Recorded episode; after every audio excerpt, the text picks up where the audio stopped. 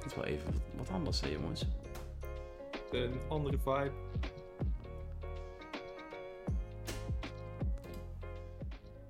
Nou, dat is ons nieuwe muziekje. De volgende keer zal ik er waarschijnlijk iets eerder doorheen praten, maar ik wil je toch eventjes uh, laten genieten. Maar uh, beste bezoekers, welkom allemaal in het Koopa Café. Vandaag word ik vergezeld door onze eigen Mitch. Hallo. Robin. Goeiedag. En Willem. Goedenavond. Vandaag staat op het menu de opening van het Café En natuurlijk onze uitleg erbij van uh, ja, wat willen we er nou uh, precies mee gaan doen en bereiken. Uh, de Xenoblade Chronicles 3 Direct. En natuurlijk de Nintendo Direct Mini Partner Showcase. Dus we hebben, terwijl we het over het Café moeten gaan hebben, ook nog over heel veel andere dingen. Want er is gewoon zoveel gebeurd de afgelopen Niet weken. Niet één, maar twee Directs om te bespreken. Ja, dit is... En ze dachten dat ze nooit zouden komen. Ja, dat is wel eventjes heftig jongens. Maar, het Koopa Café, daar zitten we dan in deze mooie ruimte. Ehm, helemaal ontworpen trouwens uh, door onze eigen Nes. Dus ook wel, uh, wel leuk om die eventjes uh, wat kudo's te geven. Ja, um, nou, Mitch, het Koopa Café. Ik zie dat je even vlug een slokje pakt van de vers gemalen koffie. Maar vertel, want dit was eigenlijk ja, een, een, idee van een paar mensen waarvan jij hebt gezegd, weet je wat, ik ga het eens even lekker mee, mee goed voorbereiden. Dus vertel, jij mag even lekker het woord uh, hebben. Ja, uh, kort gezegd, het uh, Café is een nieuw project van, van N1UP. Ehm, wij hebben natuurlijk, bestaan nu vandaag volgens mij officieel een jaar. Wow. Dus we dachten, ja, het is toch tijd om weer wat nieuws te doen met, met de website. en wij dachten dan, wat, wat maakt onze website nou zo succesvol? Nou, dat is in eerste instantie jullie, de community. Uh, dus we wilden eigenlijk echt een eigen vibe en een eigen plek creëren voor de community van, uh, van M1UP. En dat is het Koopa Café geworden. Uh, en daar vallen eigenlijk alle community activiteiten onder die we al doen. maar dan nieuwe stijl. Hè, zo is de Discord compleet vernieuwd. onze Twitch is, zoals jullie zien, compleet vernieuwd. allemaal om het zeg maar in één soort van chille vibe te krijgen. Um, maar naast wat we al doen, willen we Café ook gebruiken om in de toekomst uh, meer toffe dingen te gaan doen. Jullie hebben bijvoorbeeld ook al gemerkt dat ik vaker ben gaan, uh, gaan streamen. Uh, dat, is daar, dat is daar zeker een onderdeel van. maar op termijn willen we ook nog ja, wat spannendere, spannendere nieuwe dingen gaan, gaan doen. En daar ja, kijken we nu al heel erg naar uit. En daar gaan we jullie vanavond ook al net wat meer over, over vertellen. Ja, precies. Om, om, om het heel duidelijk te maken voor iedereen. Koopa Café is echt ingericht als het community aspect van M1UP en alles daaromheen. Dus alles wat we met jullie direct willen delen op een toegankelijke manier, willen we nu lekker een eigen, ja, eigen mooie plek geven. En daarom hebben we ook het Koopa Café specifiek opgezet als een café. Iedereen is welkom om binnen te vallen, lekker een drankje te doen, met ons mee te doen. Uh, onze gameavonden, onze podcasts, alle andere dingen die we samen met onze ja, trouwe lezers en uh, nieuwkomelingen ook willen meenemen, is hier uh, de ideale plek voor. En we hebben nog best wel wat plannen voor de toekomst wat we ermee willen doen.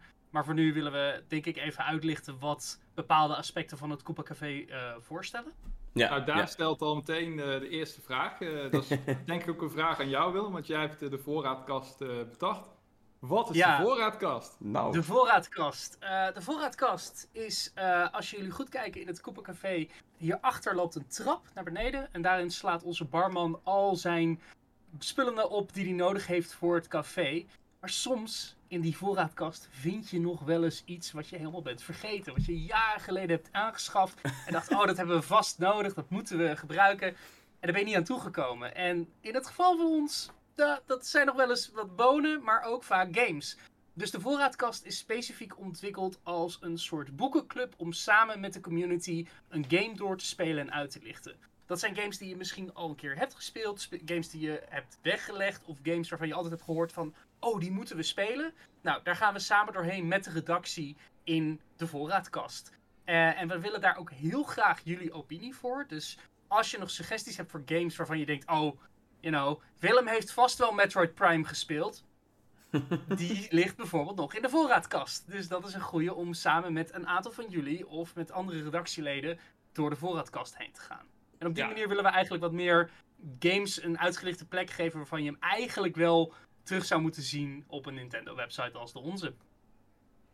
En, ja, en eh, daarnaast, eh, daarnaast is het natuurlijk ook zo, eh, we hebben ook in de Discord hebben we een categorie de voorraadkast. Daar kan je eigenlijk over alles praten wat je in de kast kan stoppen. Games, films, muziek, anime, manga.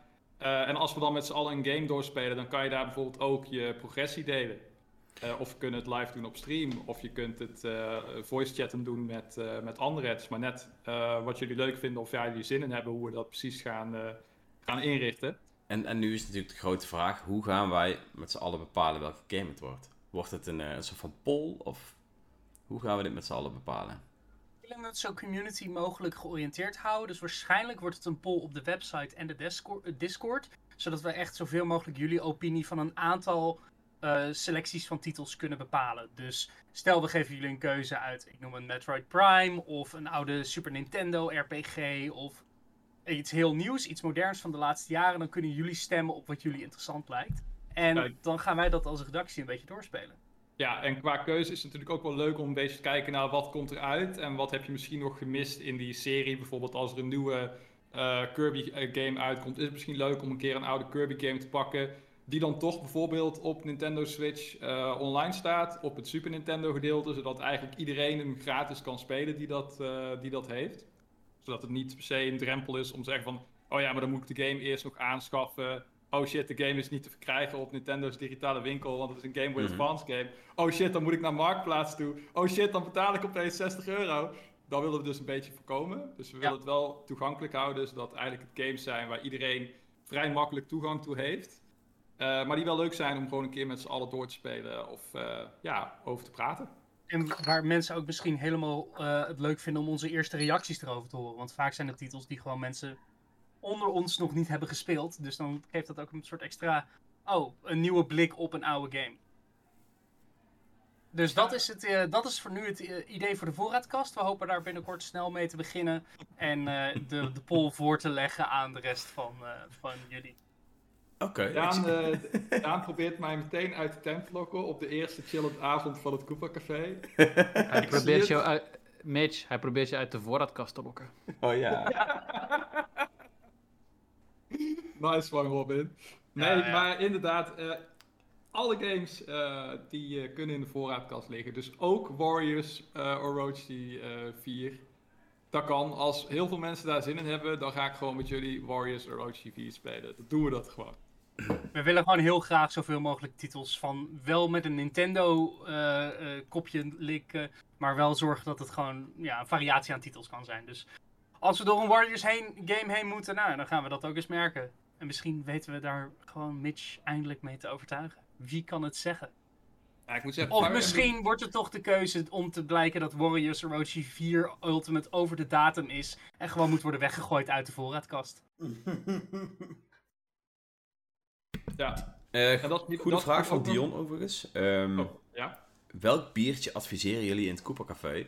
Nou, het Cooper Café is eh, eigenlijk een, een, koff- een koffietent, een koffiecafé. Dus wij eh, serveren eigenlijk geen bier. Wij zijn voornamelijk gericht op, op koffie. Dus het is goed dat je die vraag stelt. Dan kunnen we meteen zeg, zeg maar, daar het, het onderscheid in maken. Want om het, om het duidelijk toe te lichten, we wilden het café specifiek als een welkome plek voor Ja. iedereen introduceren. En door de directe grens van een associatie met een bar of alcohol op te leggen. Mensen die dat niet fijn vinden, moeten ook vrij zijn om hier te komen. En we willen niet een, de Nintendo zuiptent zijn. Dus we vinden het eigenlijk wel leuk om het echt als een eh, koffietent in te richten. Dus we serveren Hey, de- inderdaad koffie, eh, koffiecafé. Eh, er staat ook nog wat fompthee in de kast, volgens mij. En ik zou jullie ook vooral aanraden om hier rond te kijken in het café, want er liggen heel veel dingen die je misschien niet zou verwachten. Nee, en, de, en de Nintendo Zuiptent, eh dat is Cooper Café After Hours. Die lanceren we pas over een jaartje of twee. Precies. Ja. oh, Irish Coffee hebben we misschien nog net wel voor jou. Speciaal Irish. Coffee. Ja, dat kan, kunnen, we, kunnen we regelen. En thee hebben we is er ooit ook op mee. vakantie geweest. Is Eh, er ook thee, zegt Ja, Mink. Jazeker. thee. Ja, 100%. Hey, maar jongens, eventjes, eventjes terug naar het Koepercafé. Want we hebben natuurlijk eigenlijk meteen een vraag beantwoord. Maar ehm, wat is nou hetgene wat Koepercafé gaat onderscheiden van de rest van de website? Eh, voor Koepencafé waren een paar algemene insteken, maar we hebben als hoofdterm gekozen blijven hangen. We willen eigenlijk dat mensen na het afloop van een lange dag gewoon hier kunnen chillen met de community en blijven hangen en praten over dat wat ons allemaal verbindt, namelijk videogames. En dat we dat allemaal in ieder geval super tof vinden. Dus door daar hier ruimte aan te geven, zorgen we ervoor dat we niet alleen een soort plek hebben die niet per se los staat van N1UP. Want je zal nog steeds ons en de redactieleden als crew hier zien. Uh, maar we willen eigenlijk het wat meer uh, ervoor zorgen dat je gewoon een vaste, een vaste hangout hebt na afloop. En onze website biedt daar wel ruimte voor in comments. Maar eigenlijk vinden we het leuker om dat hier gewoon echt op een voetstuk te zetten. Dus het is niet ter vervanging van N1UP. Dat moet heel duidelijk worden. Het is echt een complementair aspect om mensen hierbij uh, te kunnen betrekken. Oké. Okay. Een aanvulling. Um, mooi verwoord. Mooi verwoord. Ja. Ik heb Ja. daar niks aan, eh, niks aan toe te voegen. Behalve dat de simpelste manier om het voor te stellen is gewoon... Als je gewoon de grotere N1 wereld hebt... dan staat ergens op een huisje, eh, op een heuveltje... staat het Koopa Café waar iedereen loopt te chillen. en dat is dan het idee, zeg maar. Van, eh, er is nieuws, er is speculatie...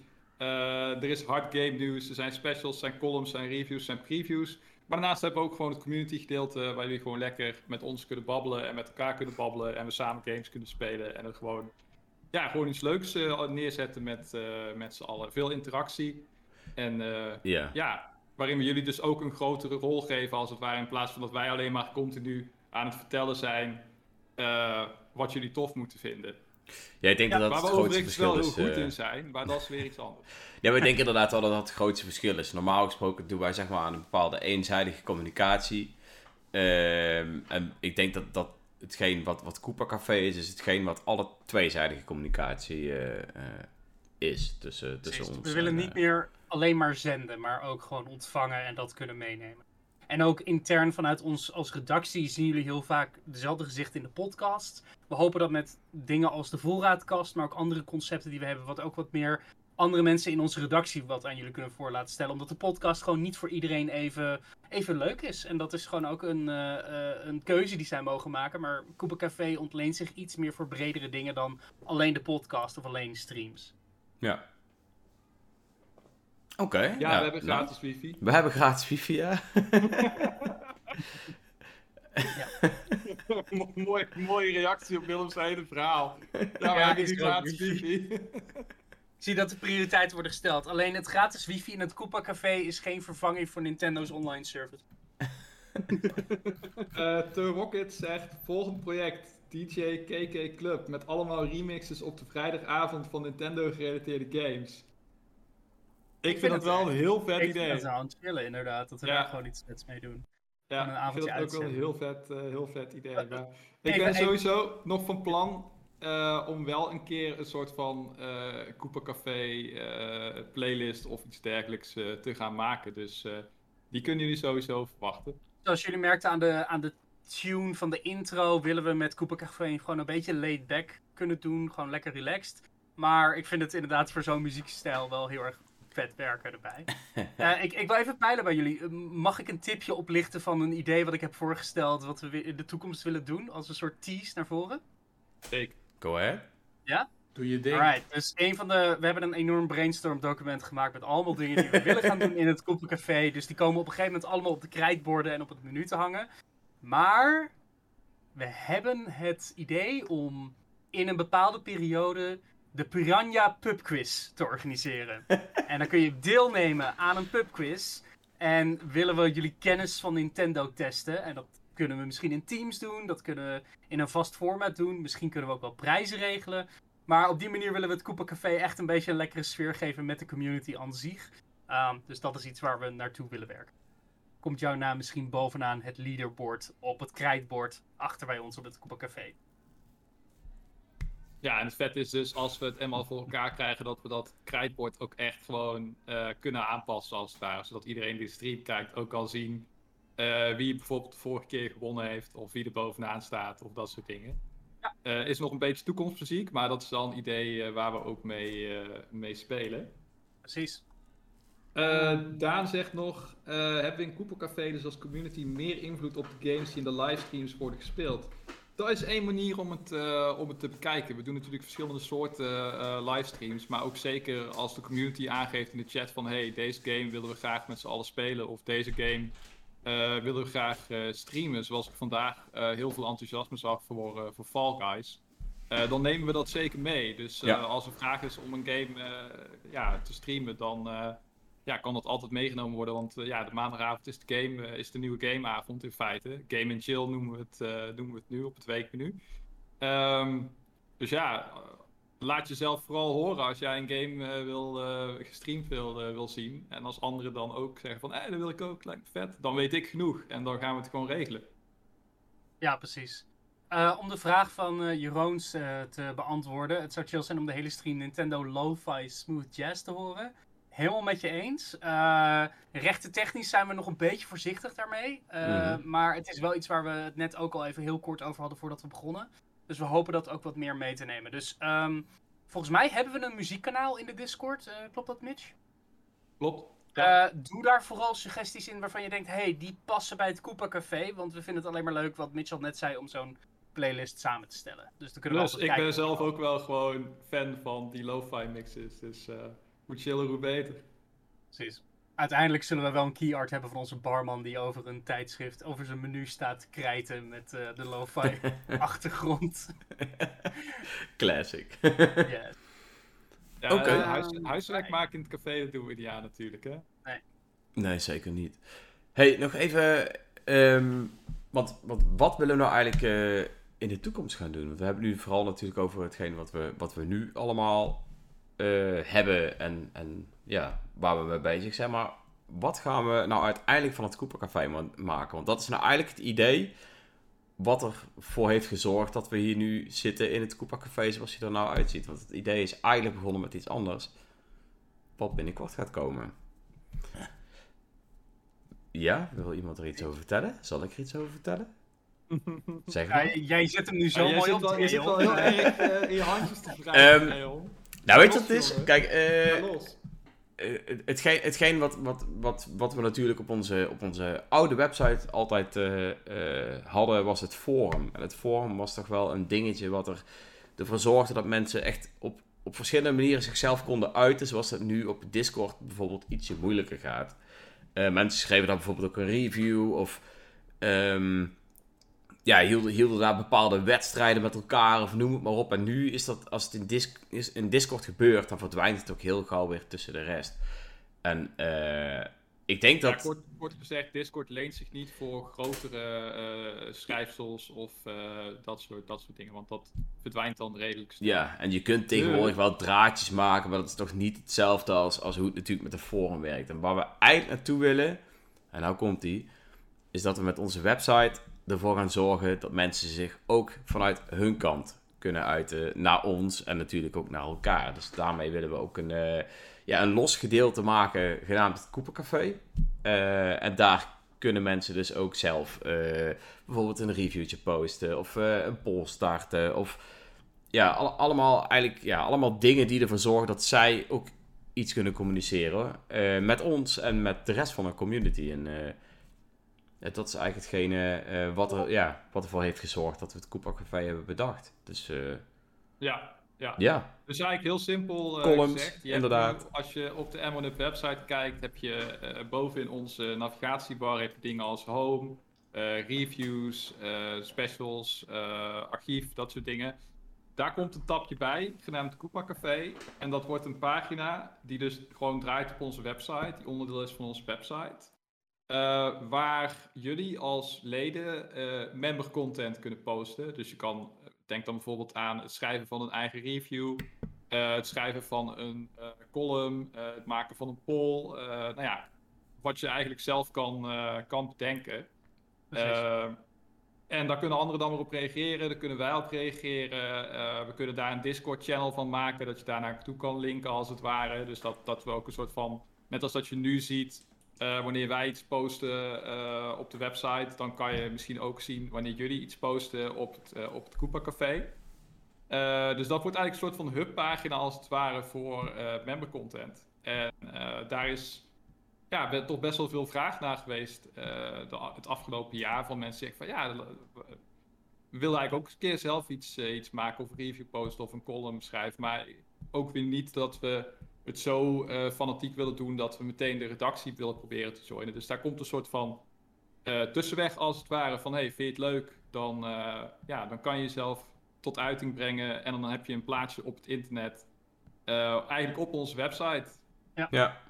En dat is, dat is een beetje in het verlengde van waarom we specifiek voor een café hebben gekozen. Het is gewoon een plek waar elk hoekje van het café hebben we uitgedacht als een fysieke plek. En ook de member content heeft daar een vaste plaats. Dus dat willen we meenemen in de website om die ervaring wat overkoepelender te laten lopen, right? We hadden nu altijd eerst een Discord en dan hebben mensen in de reacties onder artikelen. En dan hebben we misschien nog eh, soms een gastcolumn in het verleden hebben gehad. En daarvoor nog het forum of mensen die hier in de podcast meeluisteren. En nu willen we dat eigenlijk allemaal samenbrengen onder één Koopa Café. En dat maakt ons gewoon ja, in, in staat om meer vette dingen ermee te doen. Dus ja, ik, heb, eh, ik ben heel benieuwd wat er uit het website deel gaat eh, komen. Ja, ja ik, eh, we gaan er in ieder geval ons best voor doen om dat eh, ook zo snel mogelijk voor elkaar te krijgen. En, eh, ik heb er zin in om in ieder geval de nieuwe hoek van het café te openen, ja. Er zijn nog een hoop hoeken nog niet getoond. Dus eh, een hoop gordijntjes nog, dicht. altijd, eh, is nog altijd in aanbouw, zo kan je het eigenlijk zien. eh. precies. Maar de, ja. maar de fundering staat. En eh, we zijn ook echt, eh, ja, ik kan het niet genoeg benadrukken, echt super blij met eh, alle toffe visuals en alles wat we tot nu toe hebben heringericht en dergelijke. Om het allemaal net wat overzichtelijker, leuker en eh, interessanter eh, te maken. Ja. Eh, ja, en we blijven ook gewoon streams doen en eh, misschien nog wel vaker dan, eh, dan voorheen. Dus we proberen alles een beetje naar de next level te tillen onder een nieuwe naam. En dat is denk ik de beste, de beste samenvatting van, eh van Cooper Café. Ja, en ik ben blij dat, eh, dat ik zie dat Hamilton eh meeluistert. Want die weet nu ook dat er werk aan de winkel is. Dus, eh, Shoutouts. Shoutouts. hij zegt, nou Mirk, we hebben, we hebben werk. ja, Ja, dus dat ja, is, ja. eh, Ja, je hebt eh, werk genoeg. Werk genoeg. ja. Ik, ik ben benieuwd in ieder geval waar het allemaal heen gaat. We gaan het zien. Dus Ehm, misschien is het slim om nog even de, de badges en aanvullende dingen uit te leggen die we hebben. Of is dat nog... Ja, dat, dat, dat is nog, nog een beetje. eh, want we hebben nog niet alles erin, eh, nog niet alles erin zitten in, Ja, onze, in onze Twitch. Eh, maar daar zijn we wel mee bezig. Je moet ook niet alles in één keer vertellen. Hè? We Nee. moeten nog wel wat eh, secrets eh, bewaren. Ja, dus eh, ik denk dat dat een mooie is voor, eh, voor over twee, eh, twee weken is. Oeh. Hierbij, hierbij is er vast goed geteased. Eh, jullie kunnen vette dingen verwachten. We zijn heel, eh, als redactie heel trots op wat hier is neergezet. We hebben ook veel hulp van eh, veel redactieleden gehad. Dus bedankt allemaal. En ehm, ik zou zeggen, laten we het lekker over het nieuws eh, gaan hebben. Ja, klinkt goed. Ehm, Maar mijn koffie is bijna op, dus... ja, de, de koffie is Ja, bij mij maar ook een, op, eh, maar- een refill. de barista is even weg, denk ik. volgende menu. Wij gaan naar het... het eh, We hebben wel een pauzescherm, though. We hebben wel een pauzescherm. Maar ja, die gaan we natuurlijk voor de podcast niet gebruiken. Maar als jullie hem heel graag willen zien, kan ik hem wel even laten zien hoor. Willen jullie hem graag zien? ja, laat maar zien. Ja? Oké, dan Schrik transition niet, we laten jullie alleen nu het scherm zien. Dit is ons koffiepauzescherm. Het is super vet. En ik weet als je luistert via Spotify dat je hier niks aan hebt. Je ziet een eh Maar je hoort ons mooi wel kop- praten. kopje, eh Koopa kopje, waarin alle koffie wordt geserveerd. eh, naast een microfoon staan met eh, handgeschreven tekst, korte koffiepauze. Maar het is Ja. eigenlijk veel leuker als je mee live kijkt, dus volgende keer lekker live aanwezig zijn bij ons. Juist. Nou, hier zijn we weer jongens. We zijn weer lekker in beeld. Ehm.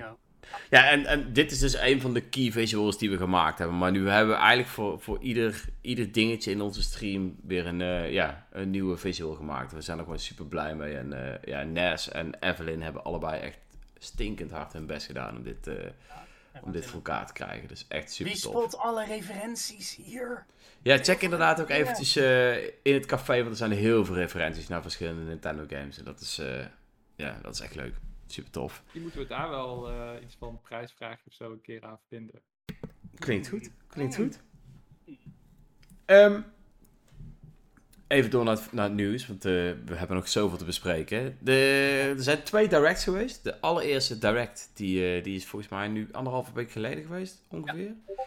En dat was eh Xenoblade Chronicles 3. Nou, daar hebben we natuurlijk wel het een en het ander gezien. En eh, ik heb echt zin in die game. Oh, Robin wordt ook wakker. Mooi. Hey, Robin. Voor de mensen die het niet weten, ik heb een best wel een zware week. Ik heb een nieuw werk. Dus eh, deze week sloop het even. dus ik ben wat stiller en, dan en, normaal. en Monster Hunter. En Monster Hunter. Monster Hunter. maar vertel eens over Xenoblade, Robin. ja, ja. ehm, ik, eh, Nou ja, ik denk dat voornamelijk Dreon de andere enthousiaste bij ons is. Oh ja, zeker. Eh, ehm, ja, voor mij was het eh, in eerste instantie van zo kijken, ga ik niet kijken. Eh, ik ga geen spoilers doen, geen zorgen. nee, dat we gaan er niet over de eh, story hebben. Ja. Ik ga het meer over de inhoud hebben van het, eh, van het ding. Ik moet ook eerlijk zeggen, ze hebben het niet veel gespoild. Dus dat is ook eigenlijk heel mooi. Dat is ook Mhm. wel fijn. Eh, wat voor mij heel erg, eh, zeg maar, uiteindelijk de hype weer helemaal teruggaf, was de combat, Ja. de diversiteit in classes, het hero systeem. Eigenlijk hadden ze dat al een klein beetje via Twitter laten zien, maar nu wat duidelijker. En ik had zoiets van, yo, dit is heel vet, want het komt echt 1, 2, beetje van X, beetje Torna, komen allemaal samen met verschillende manieren. Het is gewoon echt de, de, de magnum opus van Xenoblade, zeg maar. En eh, ik ben Goed. heel benieuwd wat deze game het gaat doen. Dat maakt mij nog hyped, eh, Robin. Hype. Ehm, wat, Dus- ik, ik, ik ben ook wel heel benieuwd. eh, bijvoorbeeld Willem, want jij hebt, je bent uiteindelijk wel begonnen aan Xenoblade Chronicles 1 nog even vlug. Ja, Definitive Edition zit ik nu. Ik heb net eh, Ricky volgens mij als companion erbij Oh ja? gekregen. Dus Ja. om, om een indruk te geven van hoe ver ik daarin ben. Eh, Ehm, niet zover. ik ben een beetje afgehaakt, want misschien is dit vloek in de kerk. Ik vond de combat niet heel interessant. Ik vond het erg herhalend, Boe. traag worden. Boe. Ja, dus we gaan deze podcast verder met drie Boe. personen. Nou, misschien doe, misschien doe ik iets verkeerd, maar het klikte niet helemaal. Maar de wereld en de personages zijn nog wel wat me heel erg erin trok. Dus ik hoop dat dit niet poging... Volgens mij is het poging 4 dat ik Xenoblade 1 probeer te spelen. Dus... Mhm. eh, maar ehm, het, ik, ik moet niet zeggen dat ik expliciet heb opgegeven, maar dat er gewoon drie andere dingen tussendoor kwamen die ik veel Ja. leuker vond om te spelen. Maar weet je En- wat het ook is? Xeno- Xenoblade 1 is natuurlijk ook, weet ik veel, bijna meer dan 10 jaar oud. 12 jaar Mhm. oud at this Mhm. point, volgens Ja, mij. dat is wel de game de met, Euro- met het- Europeanen. het, slechtste combat systeem, zeg maar. Ook wel Dus is het ja, en ook, en ook de eerste iteratie van het combat systeem. Dus Ja. toen was het nog allemaal Je nieuw, we ook- moesten er allemaal eh, uitzoeken. Je ziet ook dat. eh, het is heel grappig hoe de Xenoblade community eh, kijkt naar de twee verschillende games. Eh, dan kijk even echt naar het groepje Xenoblade Chronicles 1 en Xenoblade Chronicles 2. Want Mhm. X neem ik even niet mee in deze equation, want ja, het is niet helemaal duidelijk waar X valt Ja. in deze mysterie. hele hoop. Mhm. Het is echt een mysterie eh, wat ze er ooit mee gaan doen. Maar kijk, 2 had ook hele controversiële takes. Ik bedoel, de artstyle is er één van. Het werd heel erg eh, als de weep gezien. Maar als je gaat kijken naar een langzame start die de game had, vind ik dat de game, in ieder geval persoonlijk, zoals bij 2 had een betere payoff in zijn algemeenheid dan 1. Eh, kan wel zo zijn als jij de artstyle niks vindt, dat je 2 ook minder vindt. Alleen Ja. de combat de combat vond ik heel tof. En ook het gacha systeem vond ik ook wat hebben. Als het gacha systeem met jou meedacht. Daar was, ik Eh, dan, ja, daar was ik dan wel minder fan van, maar... Nou ja, Ik ik, ik vond moet wel- zeggen, er zijn ook veel mechanics in Definitive Edition door, door spelen. Waarvan ik merk dat ik gewoon niet duidelijk begrijp wat ze doen en hoe ze werken. Het Affinity Chart systeem is er een van. Het gemcrafting systeem vond ik ook relatief onduidelijk. Hoe je. Niet zozeer hoe je die gems gebruikt, die equip je gewoon. Maar hoe je daar een beetje goede gems uitmaakt. Of wat werkt, vond ik echt best wel moeilijk te bevatten. En dan heb je al zo'n 12 uur in de game zitten Mhm. misschien mis ik iets, maar ik heb gewoon het gevoel dat Xenoblade te snel skipt over essentiële aspecten van wat die game en combat systeem zo uniek maakt. Want nu is het nog steeds, ik loop met Shulk tot ik in een recht lijntje sta, ik doe mijn buster en dan doe ik een toppel en dan probeer ik Ja, een staan, backslash. Ja, maar dat is alles wat ik doe en dat ging mij gewoon heel snel vervelen in die zin. Want het had niet een soort dynamiek waarbij ik regelmatig werd gevraagd om mijn strategie aan te passen. Mhm. En dat is Komt nog. dat is mijn Want jij toch? eh, als jij nu Ricky hebt unlocked, kom je binnenkort wel op een punt waar ze in één keer zo zeggen van... Hey, je hebt nu dit allemaal geleerd? Alsjeblieft, hier heb je nog een hele hoop. Ja, true. En dan komt er in één keer veel dat meer diep niet, gaan dat klonk kijken. niet als een pitch, dat klonk als Nee, een dat soort... klonk, klonk als Dat bedreiging. klonk als een keten naar Nee. mijn Nee, dat is juist top. been. Oké. Maar, Nee, ik moet zeggen, ik snap wat je bedoelt. Ik zal een geheim vertellen. De eerste keer dat ik Xenoblade heb gespeeld, stopte ik rond het punt waar jij nu bent. Puur om hetzelfde reden. Dat ik op de Wii kon ik, heb ik de game niet eh, kunnen ervaren zoals ik het wou. Kan ook verschillende redenen hebben, want eh, sowieso is mijn leven toen ook een stuk drukker. De game is niet klein. het is ook echt een commitment game. Mhm. Ehm, dus, maar toen ik de Definitive Edition had gespeeld, sowieso was de wereld mooier dankzij de, de, de graphics die waren verbeterd. Ja. De artstyle was verbeterd.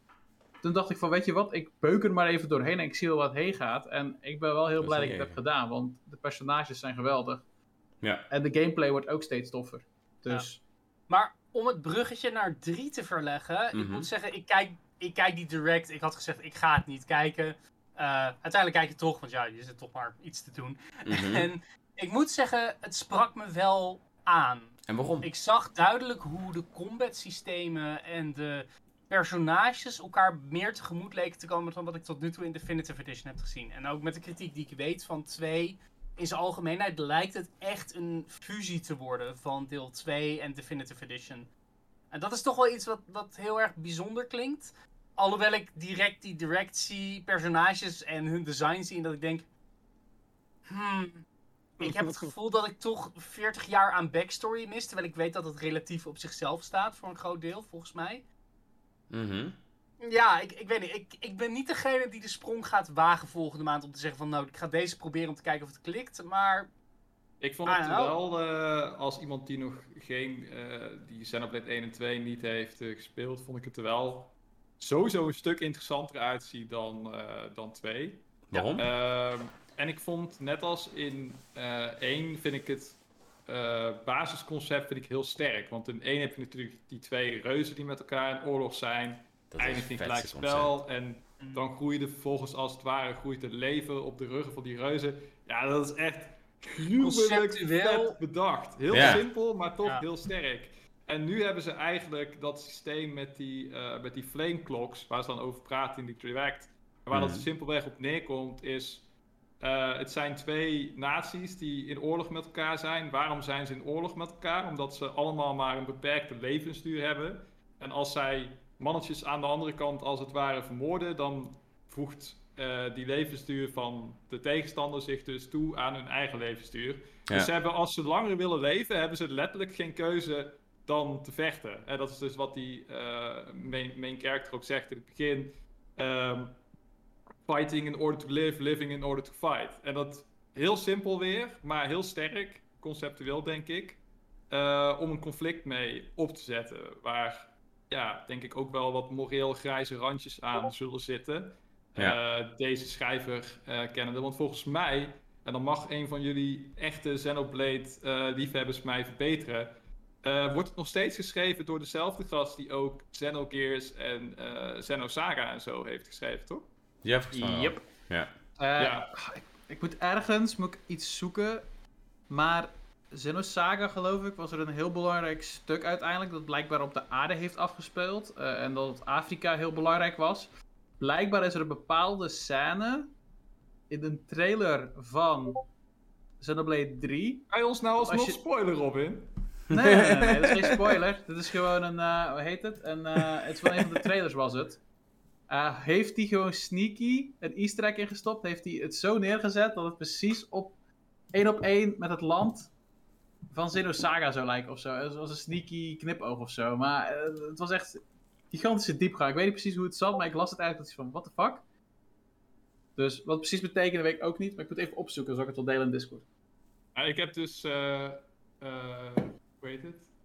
Ter voorbereiding op eh Xenoblade 3 heb ik dus weer even een opfriscursus gedaan. Want ik heb dus ooit, eh, dat, dat weten trouwe luisteraars, dat ik ooit het verboden, verbodene heb gedaan. Namelijk Xenoblade beleefd via een YouTube compilatie. Omdat ik het verhaal en de, en de cutscenes toch wel heel vet vond. Maar geen zin had om 80 uur van mijn leven erin te steken. Eh, Ja. Dus dat had ik weer eventjes gedaan. En toen kwam ik een review tegen die dus ook eh Zero Saga en eh Zero Gears eh, kort besprak. Om aan te geven van deze gast die dat schrijft, die is al letterlijk 20 jaar bezig om een verhaal te vertellen. En hij wordt, iedere keer wordt hij net iets beter in het stroomlijnen ervan. Want blijkbaar is Xenosaga of Xenogears, een van die twee, is echt één grote clusterfuck. Want dan heb je dus twee strijdende partijen die dan weer worden gemanipuleerd door een hogere macht. Die dan ook weer wordt gemanipuleerd door een hogere macht. Uiteindelijk komen er 30 termen aan te pas en dan eh, hebben ze een of andere exposition cutscene van een half uur van alleen maar tekst. Waarin je eigenlijk het halve verhaal nog even last minute door je strot geduwd. Ik, Ik dacht dat dat, vond ik wel 13 wel heel Sentinels vast- complex was, maar eh, Alsjeblieft. Ik leg het, en ik leg het nog simpel uit. Hè. Oh, dat komt trouwens ook omdat ik denk ik al drie kwart weer vergeten ben. Maar eh, in ieder geval, dit is simpel, makkelijk te begrijpen. Eh, ik heb tot nu toe niet het idee dat je enige backstory nodig hebt van Xenoblade 1 of 2 om dit nieuwe conflict eh, te begrijpen. Er zullen ongetwijfeld later verwijzingen komen.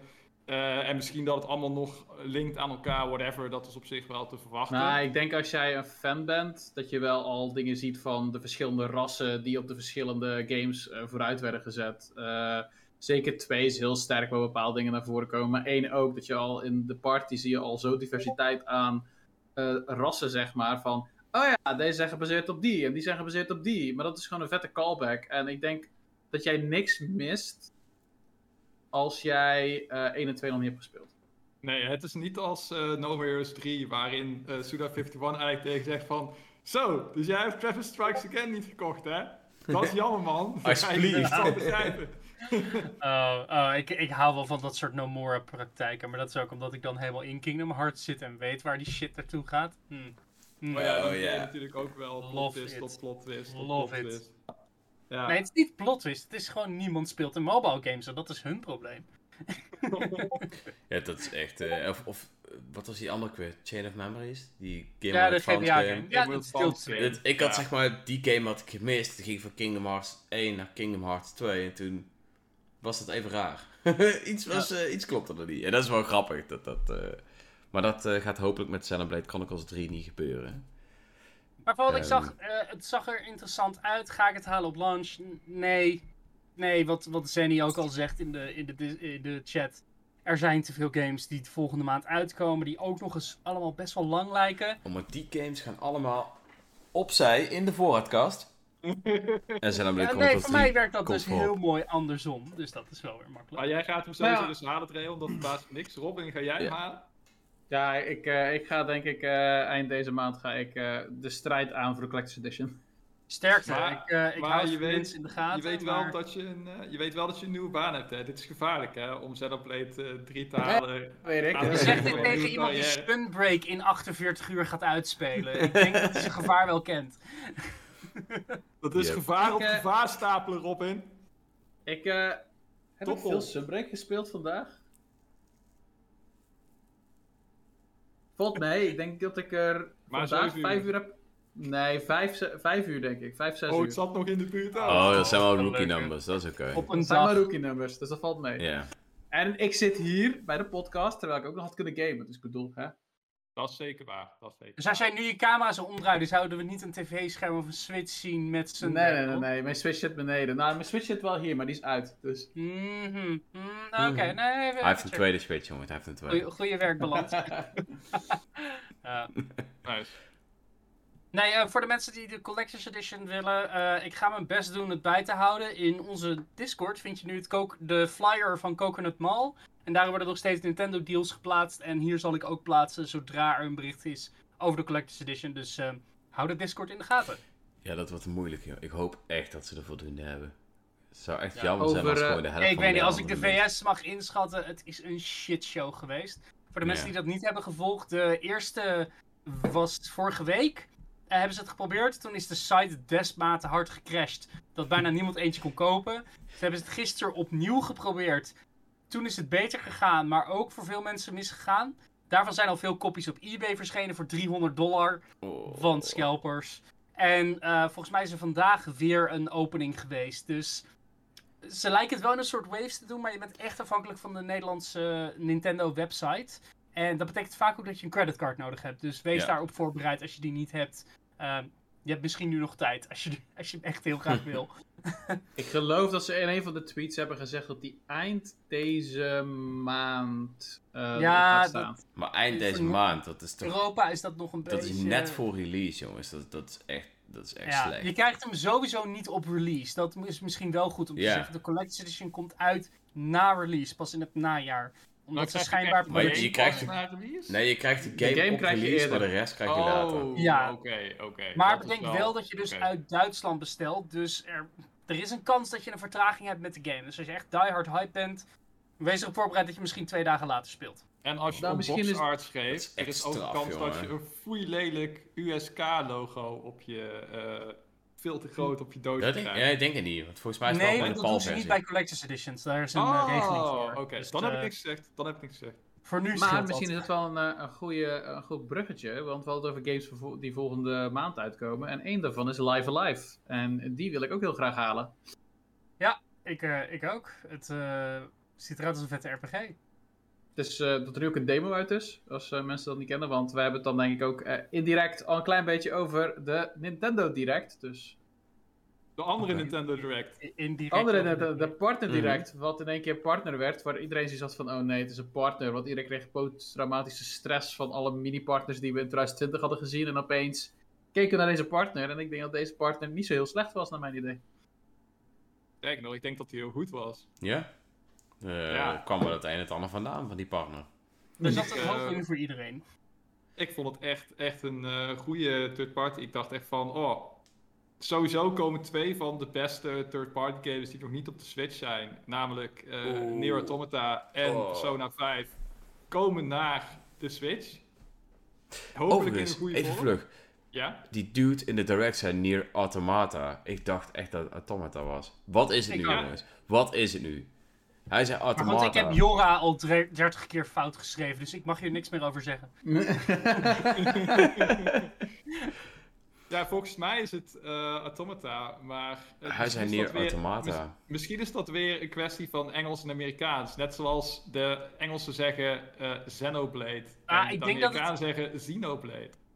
Maar Nier Hmm. Automata, Automata wordt toch ook op een specifieke manier geschreven? Of is dat... eh, Oh nee, dat is Nier, Nier zelf. Nee, Ja, het, het ja. woord Ja. zelf wordt ook nooit uitgesproken eh, in de Nee. game. Dus eh, we zijn eh, nog steeds. eh, het blijft een mysterie. Ja. Ik ben wel blij dat we eindelijk de defini- eh, definitieve naam hebben. Het is Live Alive, niet Live Alive. Dus dat, Live dat is Alive, wel nu ja. eindelijk Live hardop Alive, gezegd. ja. Live Alive. Zoveel moeilijke namen in deze direct, jongens. Ja, weet iemand nog hoe die... eh, welke was het? Er was één turn-based RPG die een veel te lange naam had. Ja, iets met Eh, Captain bla bla bla. Captain Mar... eh, Oh ja, ja, die. eh, Captain nog wat. Oh, wacht. Dimension plus Force of zo? Of Jump? Jump plus Dimension of zo? Ik ga even zoeken voor jullie, jongens. Het is eh, anime gebaseerd, geloof ik. Of Captain Velvet. Meteor The Jump Plus Dimensions. Ah, tuurlijk. nee, Daar, dat jochie met het boek, dat was RPG Time The Legend of Wright. eh, die wel heel interessant Oh ja, dat eh, zag er ook best cool uit. Ja. Ja. Ja. Hé, maar nu noemen we van alles door elkaar. Laten we even, Ja, sorry, even laten we beginnen bij het begin. beginnen bij het begin. Live Alive. Laten we live, daarmee beginnen. live Alive. Live Alive, sorry. Oh, oh, oh. Live a live, live a live. Live Alive. Jongen. Eh, heb je de demo gespeeld, Robin, of niet? Nee, nog niet. Ben ik nog niet Ik niet. want werk. Ja, nee, ik ben het wel van plan om hem eh, om te gaan spelen. Eh, dus ik ben eerst even met ja, Monster Hunter bezig natuurlijk, logisch. Als ik daar doorheen ben geblast, dan, dan ga ik wel Live Alive demo proberen. Want daar kan ik er ook eens even naar kijken. Maar die game heeft me al verkocht op het moment dat ik het voor eerst zag. Dus die hoeft niet meer te doen, zeg maar.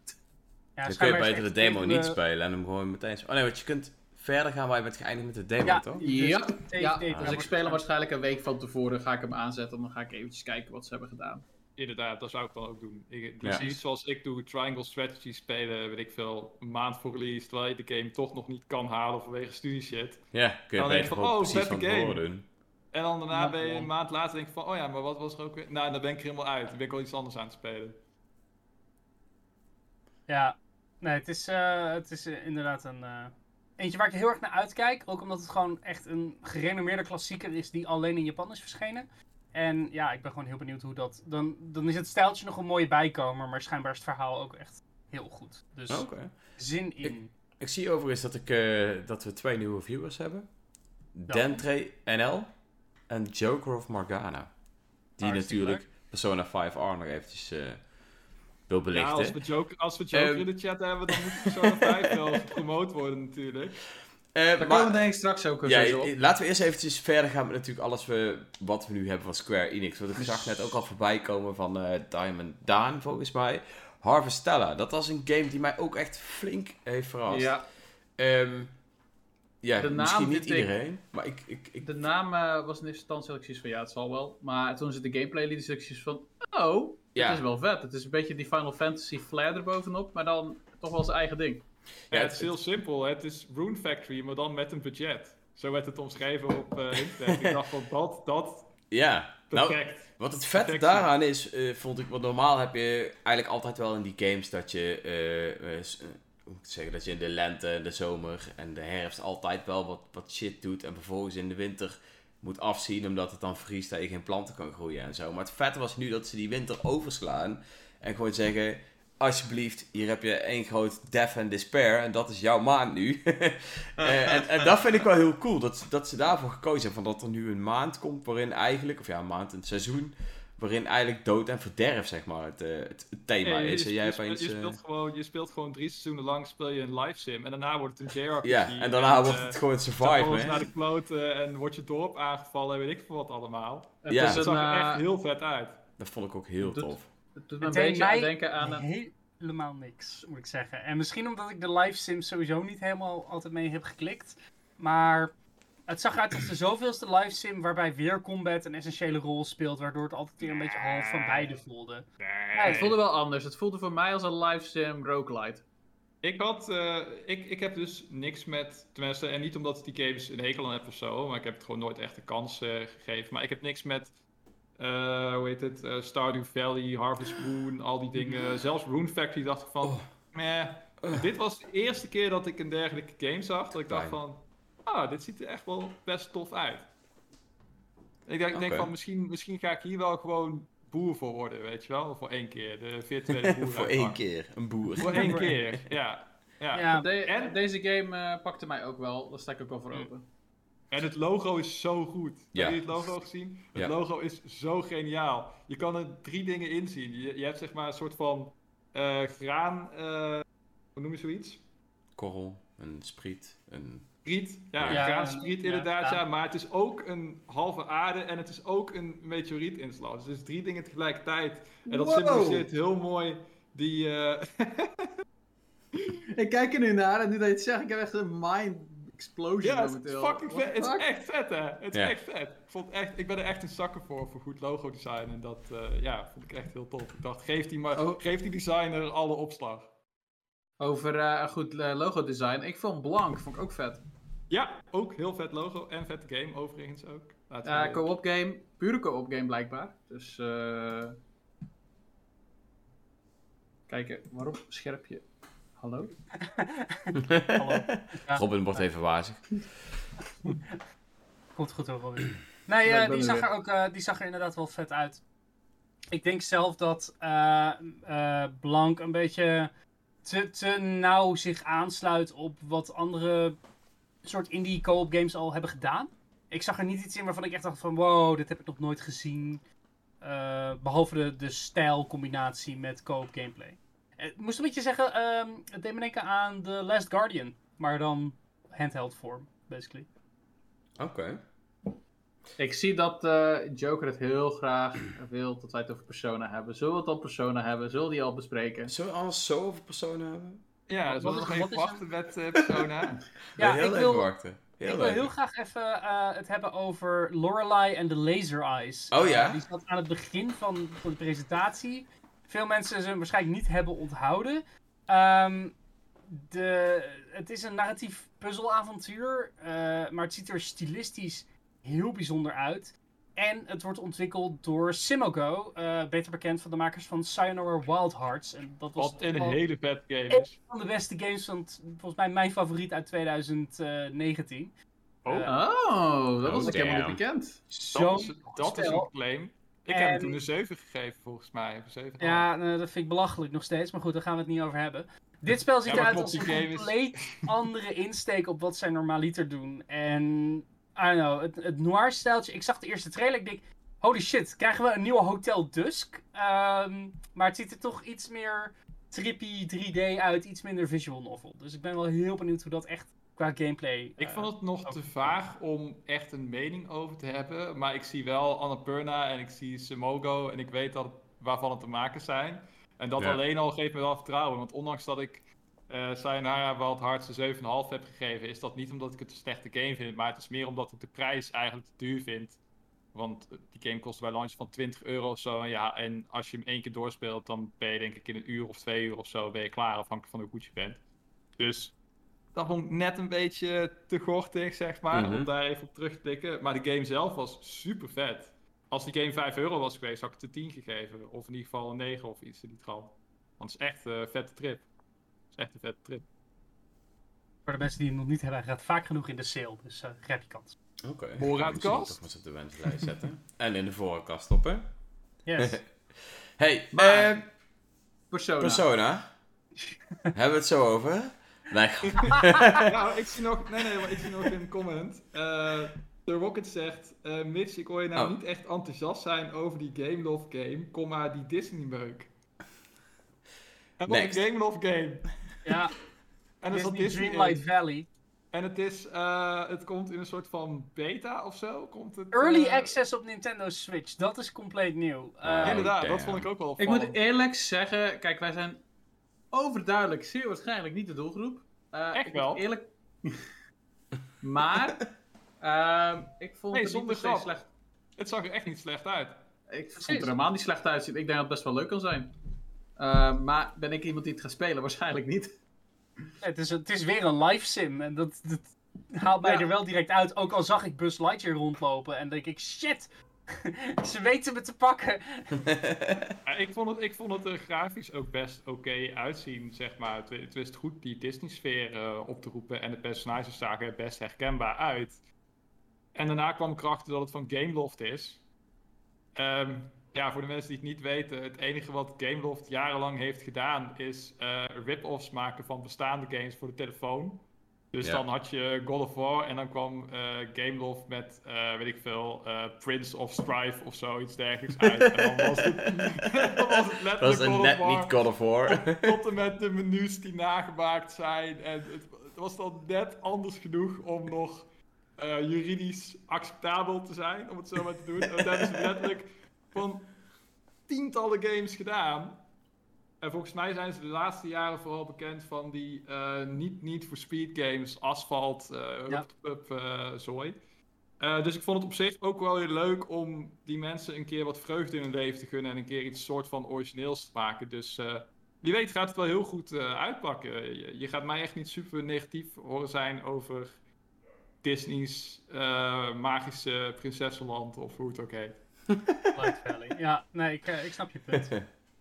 Ik moet Maar, wel eh, zeggen, ik, het, het enige voordeel wat Kingdom Hearts heeft over Disney-werelden samenbrengen tegenover deze game is op een gegeven moment zie je in die trailer je avatar als menselijk figuur recht oplopen naar Scar. En dat ik denk, ja, ja, nee, die wordt aan stukken gereten in letterlijk elke ander scenario. Bij Kingdom Hearts speel je tenminste nog als een leeuw, weet je.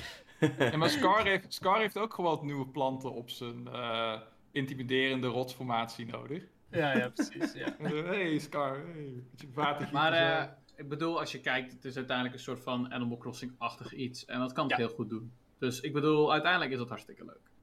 Daan zegt trouwens, ik heb Asphalt 9 Legends op de Switch gespeeld, maar mijn save game wordt elke keer gewist. Volgens mij heet dat gewoon zelfbescherming. maar verder is het wel een toffe game. Ik weet, niet, ik weet niet wat de relatie daarvan is, maar het klinkt inderdaad niet best qua... Het klinkt alsof die game zich niet gedraagt zoals het zou moeten, Daan. Misschien moet je toch van je Switch afgooien voordat er nog meer spellen corrupted raken. Verdwijnen, verdwijnen. Lijkt me goed. Maar eh. Laten we het over een eh, turn-based rollenspel, eh, actiespel hebben. Ja, Met Mario. Rabbit Sparks of Hope ziet er zo ontzettend goed uit. Dat is like- overigens wel echt waar. Dat meen ik Dat is, ook serieus. nog, dat is trouwens ook nog een direct, jongens. Soort mini- Die Ja. kreeg ook nog een eigen Ubisoft Die heb, ik, showcase. eh, die dus- heb ik nog niet gekeken, maar ik, weet, ik begreep wel wie de muziek maakt. Holy Yo. shit. Maar, Holy shit. maar Grant Kirkhope deed ook al de muziek van de vorige game. hè? Dat Grant maakt niet Kirkhope deed de DLC-muziek in de vorige, maar dat nu Yoko Shimomura erbij komt en, eh, hoe heet hij ook weer? Gerrit Cocker? Ja. Dat is een dream team. Dat is werkelijk drie legendes Voor, in de eh, industrie. En Voor mensen die dit niet weten, Ja. Grant Kirkhope is Banjo-Kazooie en ook Donkey Kong. Ja, Donkey Kong Eh, 64. Nee, nee, nee. Wel, maar Vier- alleen voornamelijk... 64 Oh, nee, stukje. Ja, alleen 64, Ja. maar hij heeft ook GoldenEye gecomponeerd, eh, Kingdoms of Amalur. Eh is gewoon een, eh, ja, Yoda Alle- alle games, vrolijke volgens mij. en epische, vrolijke en epische deuntjes maakt. Yoko Shimomura is bekend van Kingdom Hearts. Onder andere, maar en- ook heel, en Mario en Mario Luigi en Luigi. RPG's. Ze is Ja. heel erg goed in de RPG's. En- dus, ehm, Garrett Cocker is, eh is eh, Ori and the Blind Forest en eh, die andere. Will of the Will Wisps. of the Wisp. En Darksiders Genesis. Oh yeah. Don't forget Ja. Darksiders Genesis. Dus eh, ik, eh, ik werd heel erg blij van die trailer. Ik snap dat het eruit ziet als deel 1, maar als je ze echt naast elkaar legt, wauw, wat een monumentaal verschil. Ja. Het vrij rondlopen en niet langer vastzitten aan een grid is echt voor dit type spel een complete vernieuwing. Uh, Mhm. Ook de manier van beweging en acties uitvoeren voor de combat lijkt er heel erg op, maar zodra je het echt naast het origineel legt, denk je van wow, je kan zoveel meer doen ja. hierin. Uh, en ik hoop dat dat echt he- helpt met de uitdaging. Uh, ik weet niet of jullie ooit de challenge maps hebben gespeeld van de eerste game. Ja. Die waren ongelooflijk complex. uh, Mhm. Maar de base game zelf viel wel mee. En ik hoop dat ze dit dus als de kans aangrijpen Ik vond, om eh, meer terug te haken naar die challenge maps. ik vond de base game vond ik juist heel tof. Ik vond Mhm. hem leuk, maar hij werd heel veel hetzelfde na een tijdje. En ik vond dat de pacing heel traag was, omdat het zo level by level, Lineair. by level, by level. En toen ik dit zag, Mhm. had ik zoiets van... Dit voelt zo meer vrijer en het voelt zoveel toffer, omdat de personages voelen ook veel meer verschillend van elkaar. Mario met twee guns, eh, eh, Bowser die met een gigantische bazooka het eh, pad op gaat. eh, Ja, er met Rosalina is zijn. mijn definitieve mood voor de rest van het jaar. yep. Die Rosalina Rabbit is fantastisch, what the fuck.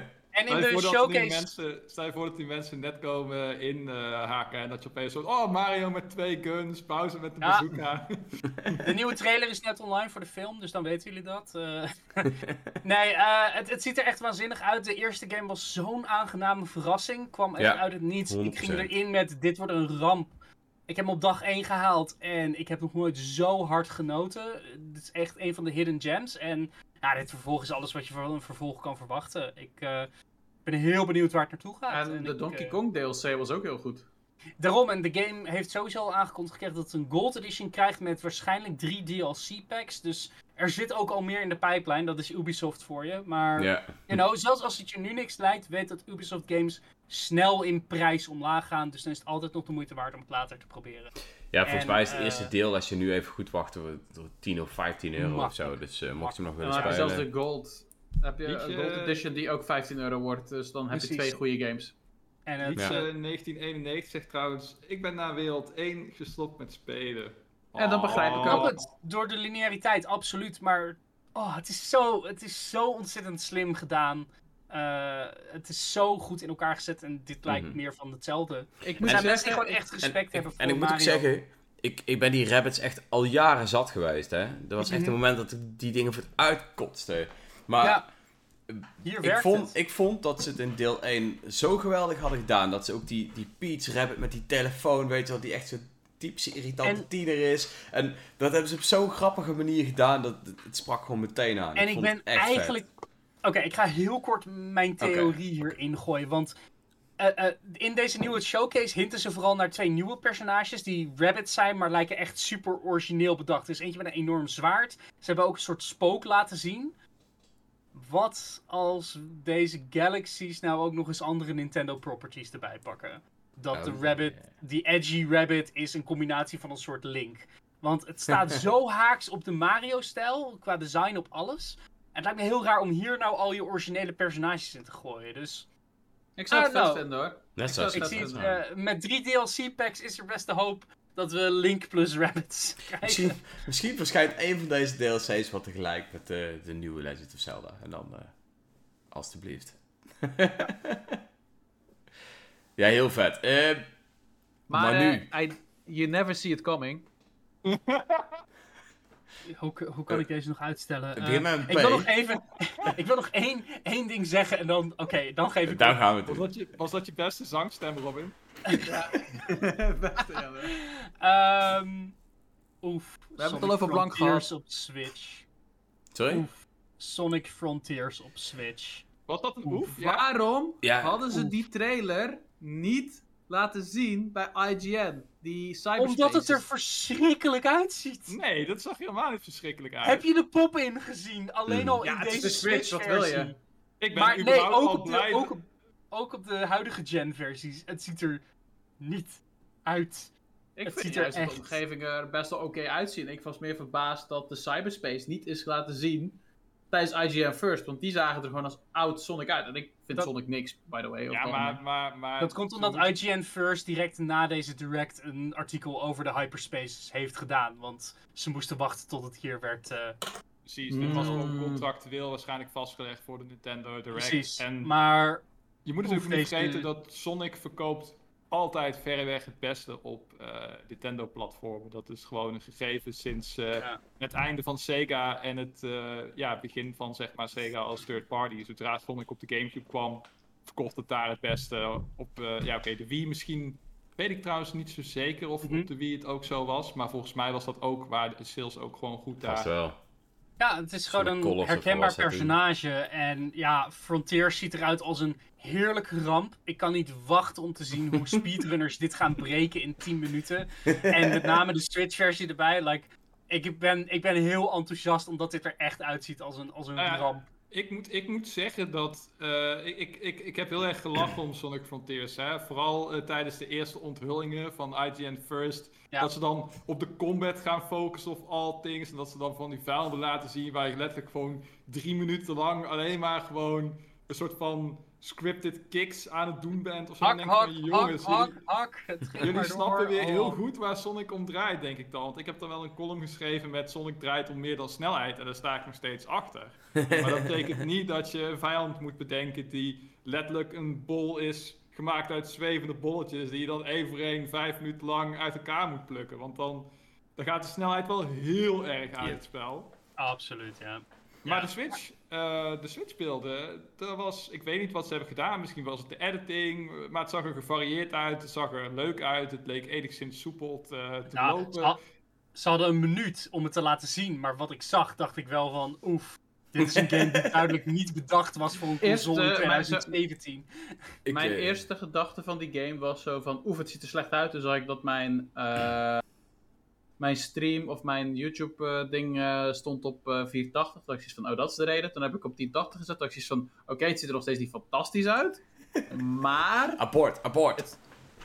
ik had het slechter verwacht. Dus ik denk Oh, dat ik al Ja, zulke same. lage verwachtingen had... Same. dat ik zoiets Ja. had van, oh, dit is de Switch? Oké.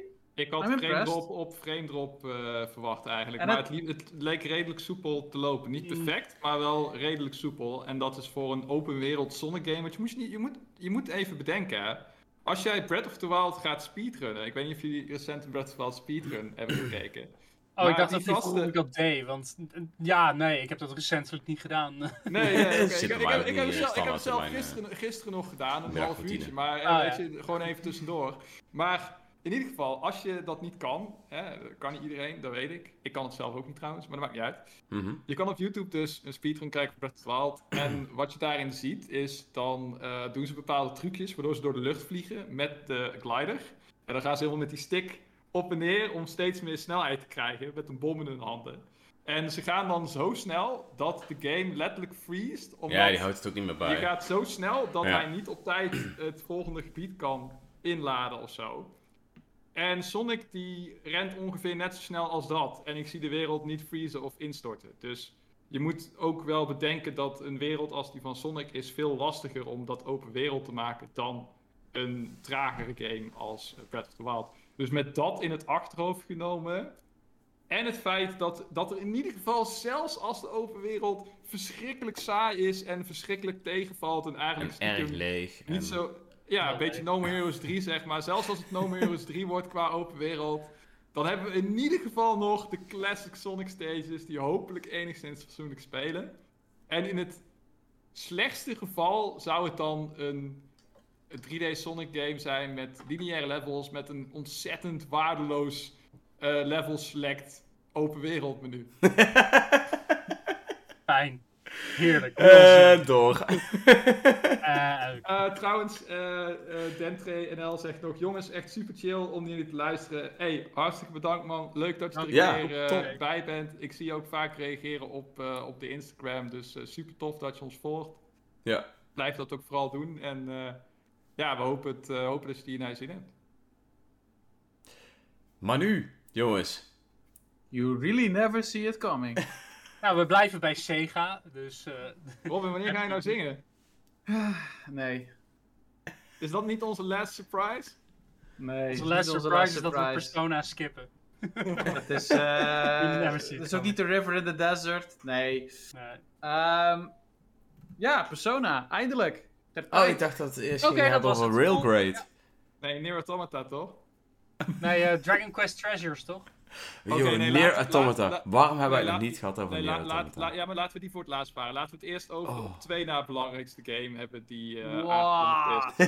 ja, maar we gaan het wel over Persona hebben. 5. Persona 5. Let's go. Royal, overigens. Dat is wel een belangrijk eh, iets. Ik weet niet wat het verschil is overigens tussen 5 en Royal, want ik heb ze nooit gespeeld. Dit is wel ik één... weet dat, want ik heb, eh, ik heb ze gespeeld. Oké, want het is, het is wel een van de games waarvan ik altijd al heb gezegd, die wil ik spelen. En iedere Ja, keer opnieuw zag ik hem eh, op de PlayStation Store altijd voorbij komen in de sales. En dacht ik, dit is het moment. En dan was het niet het moment. Maar nu komt het moment wel. Nou, die naar Nintendo Switch komt, kan ik er niet meer onderuit. Het is een, een game waarvan Patrick ook al jaren tegen mij zegt, Trail speel hem. Dus wat is het verschil tussen 5 en Royal? En waarom moet ik hem gaan spelen?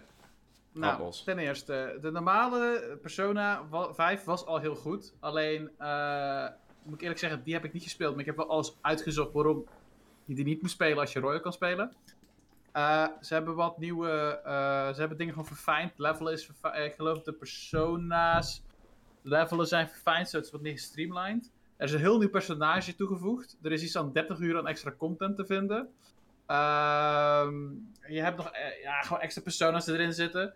En het spel is gewoon minder grindy. Eh, en Royal doet dat eigenlijk alles nice. gewoon goed. Het is eh, gewoon een complete. Ja. Oh, en de grappling hook zit er ook in. Ik weet niet in wat voor verschil daarin zit, maar ik geloof dat je dan wel eh, shortcuts hebt. Ehm, maar ja, ik heb Persona 5 gespeeld. Ik heb letterlijk in één run, duurde voor mij 120 uur. Dat is geen grap. En dan heb ik best nog doorgespeeld. 120 uur, dat is, dat is één run van die game. En dat is met sidequest? Dat is met een klein beetje sidequest. Dat is niet heel dus ze hebben het minder grindy gemaakt, maar wel 30 uur extra content toegevoegd aan een game die al 100 plus uur duurde. Ja, ja, ja. Dat is min of meer eh, de samenvatting. Ja. Hoe word je daar Ja. niet moe van? Nee, dat was het gekke. Ik had wel na een tijdje zoiets van. ehm, ik had wel zoiets van het einde. eh, dat is zeg maar. het verhaal wordt verteld eh, op, bepaal- op een bepaalde manier. En op een bepaald moment heb je een bepaalde eh, baas die je verslaat. En dan had ik zoiets van: oké, dit was vet. En opeens komt er een, eh, een soort van asspool waar ik dacht van: oké, het is vet. Maar ik had het vetter gevonden als je hier was gestopt. Ja, ja. Ehm, Ja, oké. Mhm. Maar uiteindelijk... Dus elke standaard Japanse RPG. Pretty much. Eh, maar ik moet wel zeggen, het is wel een van de beste RPG's die ik ooit heb gespeeld. Het is echt, alle hype is het waard. De muziek is fantastisch. De De presentatie stijl, ja. is... Holy shit. Holy shit. Ik was... eh, ja, ik, ik weet niet. Mijn vriendin weet precies de muziek van Persona te herkennen, omdat ik heb haar leren kennen op het moment dat ik Persona 5 aan het spelen was. Dus elke keer als ik de soundtrack luister, komt ze gewoon langslopen. Dat is Persona. Omdat ze gewoon dood is gegooid met de muziek van Persona 5. Dat klinkt, Ehm, dat klinkt nou niet als een overwinning, moet ik eerlijk zeggen. Ja, het Het heeft, als. Stockholm-syndroom. het heeft een bepaalde muziek. stijl natuurlijk. Maar dat is, dat is natuurlijk niet alleen Persona. Dat is ook Shin Megami Tensei. En ook eh, Ja. we hebben eigenlijk bijna mijn, al, al die, eh, die games natuurlijk. Want wat had je nog meer? Qua Catherine heeft ook die soort muziek. Dat is echt... eh, En mijn, mijn vriendin heeft mij eh, leren kennen toen ik eh Asphalt Chain aan het spelen was. Dus eh, dat was wel een heftig eh, begin qua muziek, want daar zitten echt eh kerkkoren in, jongen. En metalgitaren en... Vet shit. Maar eh, ja, ik, ik, eh, eh, ja ik, ben- ik vind het heel vet dat Persona 5 eh, erop zit. Ik, ben, ik overweeg hem ook gewoon fysiek te halen. Gewoon omdat ik denk van ja, die moet er gewoon bij eh, in mijn collectie. Puur om het te hebben. En wie weet speel ik hem nog een keer door. Want ik vind het wel fijn dat ik hem nu on the go zou kunnen spelen, zeg maar. Dus, eh, Ik moet en dat, je... dat, dat is hier het voornaamste wat mij aanspreekt. Ik bedoel, ik zat niet gillend te juichen dat Persona 5 nu eindelijk kwam. Het voelt wel een beetje too little too late. Like, het is 2022 en nu krijgen we Persona. Voelt wel een beetje als mosterd na de maaltijd. mhm. Er is zoveel meer lange RPG's op Switch om te spelen. Waarom moet ik nou Ja, maar deze game terugpakken? Het is wel heel anders. Willem, Persona 6 is nog steeds niet uit. Dus ze zijn nog op tijd. Ja, I know. En dat is op zich ook geen probleem in die zin. Maar het is wel dat ik denk. Ik heb Royal hier al een jaar, anderhalf jaar in de kast staan. Ik heb, denk 10 uur gespeeld. leuk, stilistisch, fucking vet, maar het kon nou niet bijster lang mijn aandacht houden. Misschien was dat omdat het een PlayStation game is en dat je daardoor moet zitten, 120 euro er doorheen gaan, no thanks, en dan is on the go ideaal. Ja. Ehm, maar het voelt wel een beetje alsof het nu. Het doet me niet zoveel dat het er eindelijk is of zo. Ja, maar weet je wat Er zijn genoeg andere manieren om deze al te spelen. En zeker omdat Microsoft vorige maand al de primeur had Precies. van. Hij komt naar Dat Game het, Pass, hij komt Ja. naar PC. Dat Like, is een Oké, verhaal. Dat Ja. is het. Waarom? Je kan, je kan toch niet in een wereld leven waarin je Persona, waarin zelfs de Xbox Persona heeft, maar niet de Switch. ik vind het idee van Persona de leuk. Ik, ik vind het idee van Persona 5 Royal hartstikke leuk. Heb ik zin om 120 plus uur in een RPG te steken? Ik wel. Terwijl ik het steltje al herken en heb gezien? Mijn Nintendo, What? hart, mijn Nintendo hart bloedt als ik mensen met een Xbox zou horen praten over Persona op Game Pass. Terwijl dat ding misschien 20 exemplaren verkoopt per maand in Japan of zo, waar die franchise vandaan komt. Dat is gewoon, nee, dat, dat kan niet. Dat, dat mag niet. Dus het moest wel Het, eh, gebeuren. Mhm. Ik wil even een vraag uit de chat eventjes eh, beantwoorden. Oh ja, ja, Daan die vraagt... ja. Wat is het verschil tussen Megami Tensei en Persona? Nou, de grap is, Persona is de spin-off van Megami Tensei. Dus Shin Megami Tensei is het originele game. En Mhm. hebben ze uiteindelijk Persona gemaakt. Ik geloof dat die pas van Persona 3 een beetje meer eh, Persona is geworden zoals je het kent. Dus het heeft wat meer die eh, high school vibe eromheen gekregen. Er zitten veel meer social elementen in, waardoor je ook echt met je teammembers eh, ook echt contact moet blijven houden, zodat je daar een bepaalde boost bij krijgt. Ehm, en dat is eigenlijk wel het grootste verschil, omdat eh bij Gami Tensei is echt meer hardcore Pokémon. En Persona is Pokémon met social elementen erin. En daar moet je wel van houden, want daardoor maakt het spel heel groot. Eh, als je bijvoorbeeld Fire Emblem Three Houses hebt gespeeld, dat kan je eigenlijk ook een beetje vergelijken met Persona. Alleen Persona heeft dat veel meer uitgebreid. Bij Three Houses moest je ook heel erg veel met je, eh, nou, je, house, zeg maar, uiteindelijk ehm, Koffie gaan drinken. koffie, thee gaan drinken, noem maar Ja. op. Dat doe je hier ook. Je hebt echt ook dat je met school bezig bent, dat je vragen moet beantwoorden, je hebt examens. Eh, er zitten ook gewoon vragen die, eh, ja, die ook echt eh, dingen is. Maar, ehm, dus, dus dat, eigenlijk. Alright. En leuke aan eh, Persona 4 Golden en Persona 3 Portable. Ik heb ze nooit gespeeld, want ze zaten vast geloof ik op de PSP. Nou ja, Golden was dan op, de, op Steam uitgekomen. En Ja, mhm. eh, Ja, en Eh, ook op de Vita. Ook op de Vita. Ik heb ooit Ja, op de vijf Vita. minuten op de Vita gespeeld. Toen hoorde ik de Engelse voice acting. En toen zag ik dat de geen Japanse was. En toen werd ik heel verdrietig. Want het was, echt, het was echt heel slecht. Of in ieder geval, de opening was echt heel slecht. Misschien dat de rest daarna prima was. Maar toen had ik er al geen zin meer in. En ik dacht van, oh, Maar wat ik, waarom van heb de ik de me- Vita eigenlijk ook? Weg met dat wat ik van de meeste mensen heb gehoord is dat Golden 4 Golden zowaar beter is dan Royal. Dus Ja, dat hoor ik Dat wel. is Ik maar- misschien dat om ook. mee ja. te gaan. Ik, dat eh, dat ik ben heel benieuwd is. naar die twee. Ehm, het leuke is wel, Atlas had dus op Steam uitgebracht. En eh, ik geloof een paar maanden later kreeg ik opeens een berichtje dat Atlas verbaasd was dat het spel zo goed had verkocht. Ik had zoiets van, kom op. Als je dat Ja, niet zou dat- weten, moet je echt even iemand anders de leiding geven in Atlas. Want kom op jongens, kom op. Doe een beetje research en dan weet je het wel.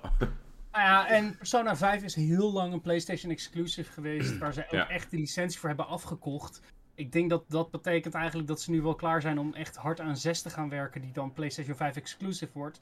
Want anders zou Sony de licentie doorbetalen en dat kost hun meer geld dan dat het ze oplevert. Dus maak hem nu multiplatform, geef een hele grote groep mensen de ingang en ga dan door naar deel 6 die exclusief op één apparaat te krijgen is. Ja, maar dat zal wel denk ik wel timed exclusive zijn. Uiteindelijk. Het Ik denk het niet hoor. Dat, eh, dat zeiden we ook van Royal. En dat heeft ook tot eh, nu geduurd. Met een game die oorspronkelijk kan- in ik kan nog- 2000... Ik kan nog steeds op een klok kijken. Dus nog steeds een timed exclusive. Ja, precies. Ehm, zal Shin Megami Tensei 5 ook multiplat gaan? Ik denk dat Ja. Nintendo daar nog iets te hard voor doorbetaalt. Maar op, op een gegeven moment wel. Denk ik. Ik, Ja, eh, ik denk aan, aan de hele stijl van de game. En volgens mij is het ook gemaakt met Unreal Engine. Staat me nog vaag iets van bij. Eh doet me er wel aan denken dat het in ieder geval heel makkelijk te porten is naar een ander. eh. Ja. Dus Ja, ik verwacht dat het gaat gebeuren. No More Heroes 3 komt ook dit jaar eh, uit voor PC, PlayStation, Ja. Xbox en zo. Dus ik zie dat met Shin Megami Tensei Ik 5. ben wel heel benieuwd hoe de open wereld van No More Heroes 3 wordt overigens op andere platformen. Beter, maar niet, opeens gewel- maar niet opeens geweldig. Dat denk ik. Ik, Ja. Helaas, No More Heroes heeft mij nooit gepakt. Ik heb het geprobeerd. Het is oké. heb- Het is oké. Het is oké. Het is oké. Het is oké. Maar, Maar, de, eventjes, eventjes eh, want we hebben natuurlijk de allervetste game van de Direct eh, nog niet besproken. Het is een game waarvan ik eh, eh, een tijdje geleden tegen Mitch heb gezegd van Mitch, dit is niet de beste game aller tijden voor mij, maar hij staat zeker in mijn top 5. En, eh 10 zei je toen nog. En nu zeg je top 5. Dat is nice. oh 10, ik dacht ik, dat ik zei 5. Ah, Maar, dat maakt niet uit. Maakt niet uit. 5, 10 in ieder geval in, in mijn top eh, aan games. Ehm Mitch vroeg me toen waarom. En ik heb hem eh haarfijn uitgelegd waarom. Hij heeft hem gespeeld. Hij vond hem super tof. En nu komt hij naar de Nintendo Switch. En ook in mijn top 10 games alle tijden. En ook in Mitch zijn top 10 games alle tijden. Ik heb de eh, game nooit gespeeld. Dus wat ik weet van Nier Automata, Automata, is dat hij wel Automata. grafisch intensief is met een open wereld. Mhm. Eh, is, is dit wel ehm, heel kort door de bocht geschikt voor Switch? Het is origineel volgens mij een PlayStation 3 game. Nee, die daarna nee, nog nee. naar de PlayStation Nee, nee, 4 is nee. gegaan, toch? Nee, nee, het is Sure? origineel een PlayStation 4 game. Oké, ja, ik heb En op het PC is een gespeeld. game die, het is een game die een hele geschiedenis heeft met slecht lopen. Ja, Eh, ja, op de dat wel. PlayStation 4 base liep hij niet goed. Op de PC liep hij de eerste, eerste jaar of zo liep hij ook niet goed. Behalve bij mij. Eh, en een maat van mij die heeft hem pas nog doorgespeeld op de base PS4 en die had best wel wat freezes. Eh, zelf heb ik hem op PC gespeeld, had ik nergens last van. Die, die Hmm. versie loopt nu als een, eh, als een zonnetje. Eh, dus het is sowieso een indrukwekkende Switchport. Want de game heeft een redelijk open wereld met redelijk grote gebieden. Er is, zijn af en toe veel mannetjes in, in beeld, zeg maar, tijdens de actiesegmenten. En er zitten bepaalde scènes in het spel die speelbaar zijn en ook grafisch intensief zijn. Overigens, dit wil ik wel zeggen. eh, als je van plan bent om eh Nier Automata te spelen, eh, moet je sowieso doen, want het is een van de vetste games ooit gemaakt. Ja, Maar zoek er zo min mogelijk over op. ja. Want er zijn zoveel dingen in die game die gewoon zo vet zijn en uit het niets komen. Dat hoe meer je weet over die game, eh, ja, hoe minder de eerste. Ik wil niet zeggen hoe minder de eerste ervaring gaat zijn, maar het wordt wel minder wauw, zeg maar. Het wordt wel minder wauw. Ja Al je deze moet, jaren mooi. heb ik het voor elkaar gekregen om volledig spoilervrij blind ook. Ik ook. op deze te Ik weet nog steeds ja, niks. ja, je, dus moet ik er ook echt, je moet er ook echt blanco in gaan. Op het moment dat jij gaat uitzoeken wie een bepaald karakter is of zo, dan maak je het voor jezelf alleen maar Is het- slecht. Is het een lange game? Want dat is dus iets wat ik heel slecht Nou. kan inschatten. Is... Dat Het is een spoiler. Ik, het enige wat ik weet is ja, eind, eindes. Om het zo maar te zeggen. Like, niet, ik weet niet wat er gebeurt, maar er is iets meer dan één. ja, de game heeft verschillende eindes. Dat, dat, ja, dat, dat ja. is het enige wat ik weet. En dat dat, dat ook zeer de bedoeling is, zeg maar. Ja, Ja, klopt. ja. Ehm, jij, we kunnen er niet al te veel over zeggen. Nee, nee, ik, maar- ehm, Ik weet, eh, ik weet er ook helemaal niks van. Ik ben eigenlijk blij dat ik het ook nog spoilervrij eh, doorheen ben gegaan. Persona trouwens ook. Was ik ook op een of andere manier spoilervrij doorheen gegaan. Terwijl die game al jaren uit was. Nou, 120 uur, als je daar alles van weet, eh, chapeau. Ik kan wel, ik Maar, kan eh, wel, ik kan wel kort vertellen wat, eh, zonder spoilers, wat Nier Automata in het kort eh Ja, gewoon zo één geweldig zin. maakt. Het is een fenomenale game, dat is één zin. maar, dan, maar dan weet je nog niet veel.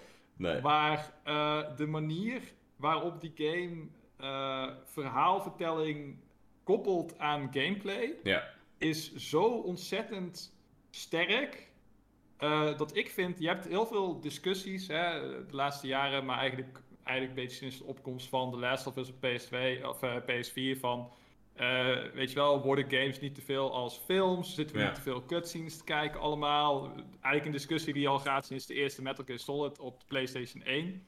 Van, Ouder, maar ja. worden games als. is, is een, kan een game alleen een goed verhaal hebben eigenlijk als het op een film probeert te lijken?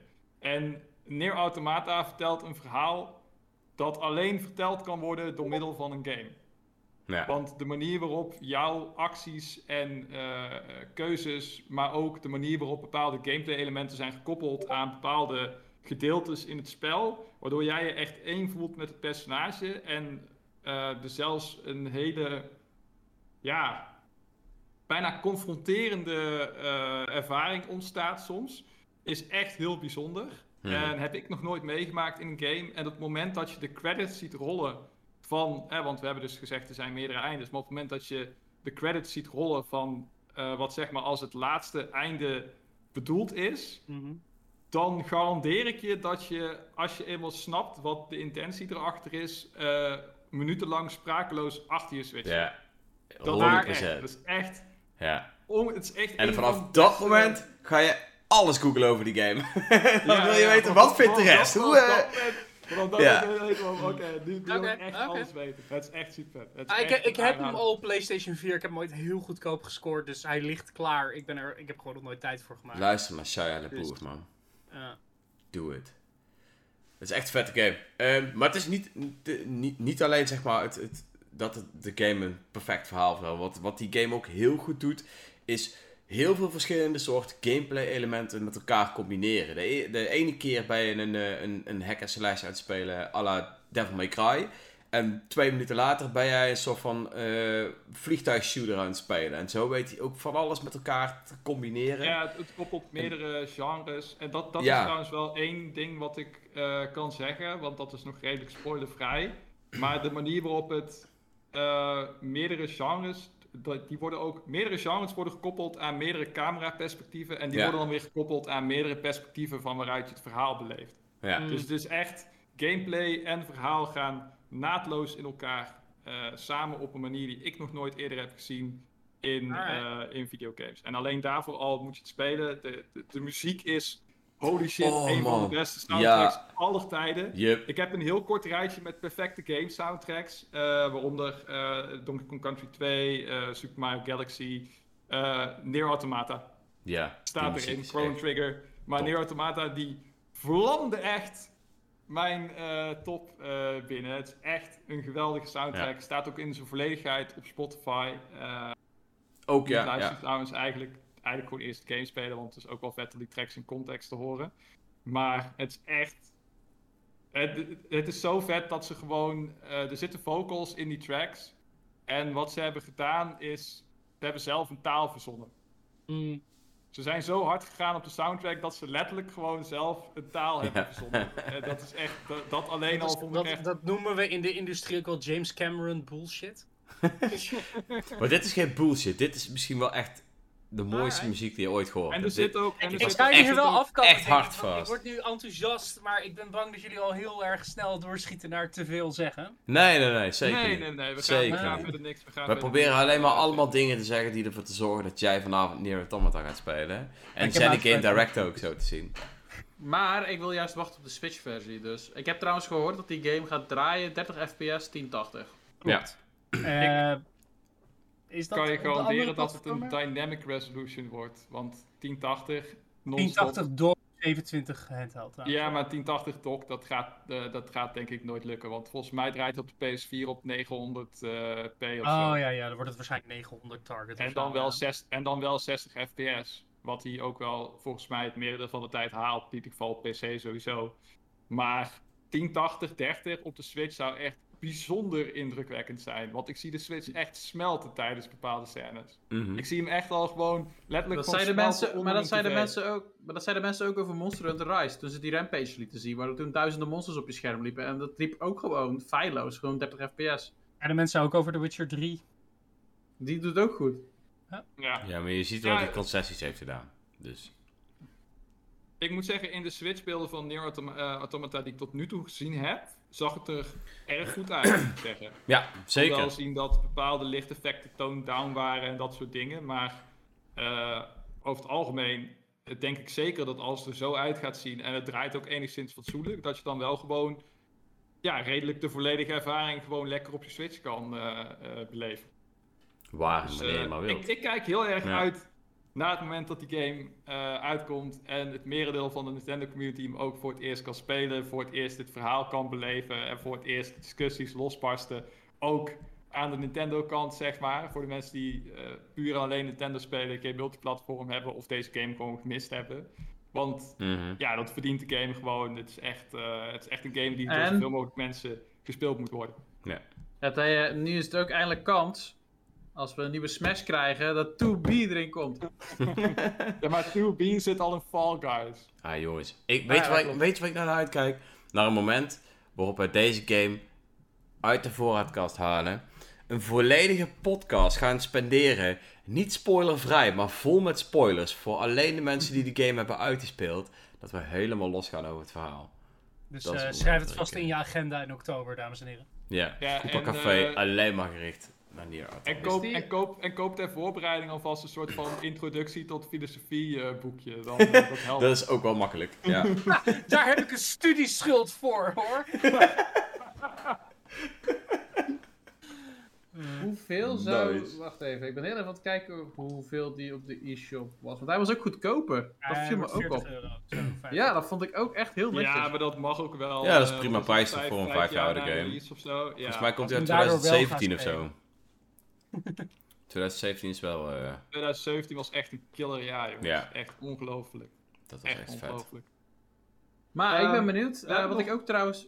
Ja. Ik Oh. vond nog een game trouwens eh, die opviel voor mij. Eh, die eh, RPG Time. Dat, eh, die RPG game waar hij een boekje schreef. Ja. RPG Was- Time Legend ja, leuk eh, is al jaren in ontwikkeling. Ik heb hem op Gamescom gespeeld toen hij nog echt net was aangekondigd. Het is een bijzonder concept voor een RPG. ehm, maar ik moet er wel bij zeggen dat toen ik hem toen al speelde, had ik het gevoel, oeh, deze is wel erg langzaam van stof. Dus eh, je moet er wel echt even wat tijd aan committen om er echt in te raken. Ik ben benieuwd. Ik, eh, het, het sprak Ja. me wel aan. Ja. Eh Dus, Nier Automata is wel, geloof ik, te pre-orderen. dat zeiden ze 40 wel. in de e-shop. En Ja, maar je zou kunnen kijken eh, Game fysiek, dan zou ik even op Game Mania kijken of die daar bijvoorbeeld op staat. Of eh, weet ik, bij een van de andere shops. eh media Ja, hou, je, hou de Koopa Café, of Coconut Mall flyers in de gaten in het Koopa Café. We hebben trouwens één game meer gemist. En daar hebben we het na de direct in ieder geval op onze redactiediscord wel even over gehad. The Return to Monkey Island. Holy shit, die zag er goed uit. Dat was best een mooie verrassing. Heel goed uit. Ja. Ja. Ik heb de originele Monkey Island overigens nooit gespeeld, maar meer ook omdat ik iedere keer als hij dan opnieuw een keer uitkwam, dacht ik, ah, deze game is net te oud voor mij om te spelen. Ik weet niet, het spreekt me niet aan. Maar dit Ja. zag er gewoon op een of andere manier super vet uit. Zal ik je wat, Eh. eh, zal ik je wat jammers vertellen? Vertel. De, de schrijver wil niks meer delen over het spel, omdat ja. zijn hele team is lastiggevallen vanwege de artstyle. Ja. En zij heeft nu gezegd, weet je wat, ik heb hier geen zin meer in, ik ga niks meer delen over het spel, jullie hebben het allemaal verpest voor mij. En dat vind ik zo zonde. Ehm, Ja, het Ik- eh, Ja. bekend. Fans zijn. eh, de, fans met name wat lijkt fans die echt zijn opgegroeid met de eerste games en de pixel art op de oude computers zijn dusdanig eh, overstuur over deze nieuwe stijl. Ehm, Is Dus dit ja, een hartstikke- windweken moment? Ja. Is dit een windwegenmoment. moment? Eh, ja, ish. Ehm, ja, in die zin wel. Het, is, het heeft ook met dat 2022. mensen eh, ook gewoon ja, lullig deden, zullen we maar zeggen, over, over eh, representatie en alles eromheen. Dus dat is ook wel een beetje zuur. Oh, dat is oh wel ja, echt dat, jammer. dat is ook Ja. wel zuur, ja. Ja, ik kon daarentegen de tekenstijl wel waarderen. Heel erg Dus vet. Ja, absoluut. Ik verdedig het, Maar 100%. Ik vond het super vet uitzien. Het is een game die me eigenlijk nooit echt geboeid heeft. En dit wist me, wist me op een of andere manier gewoon over de Het deed, mij, eh, Het deed mij een klein beetje denken aan die Guacamele-achtige, Ja, Nickelodeon-achtige, Ja. beetje vervormde stijl Ja. die ik altijd heel lelijk vind, tot ik het speel en dan raak ik er wel aan gewend en dan heeft het ook wel zijn eh, charme. Bijvoorbeeld. Guacamele, Guacamele vind ik ook echt een gruwelijk lelijke game als ik nu kijk, maar als ik het speel dan ben ik er toch weer een beetje Ja. aan en denk van, ah ja, dat is eigenlijk wel grappig.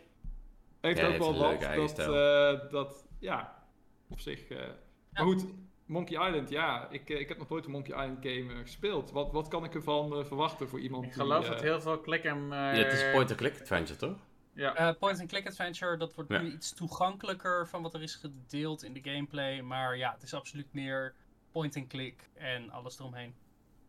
Dus, Maar- ehm, ik Nou, ben dat heb ik al jaren niet meer gespeeld. Dus eh, Ik ben zeker enthousiast en ik denk ook zeker dat het een hele goede thuis gaat vinden op de Switch.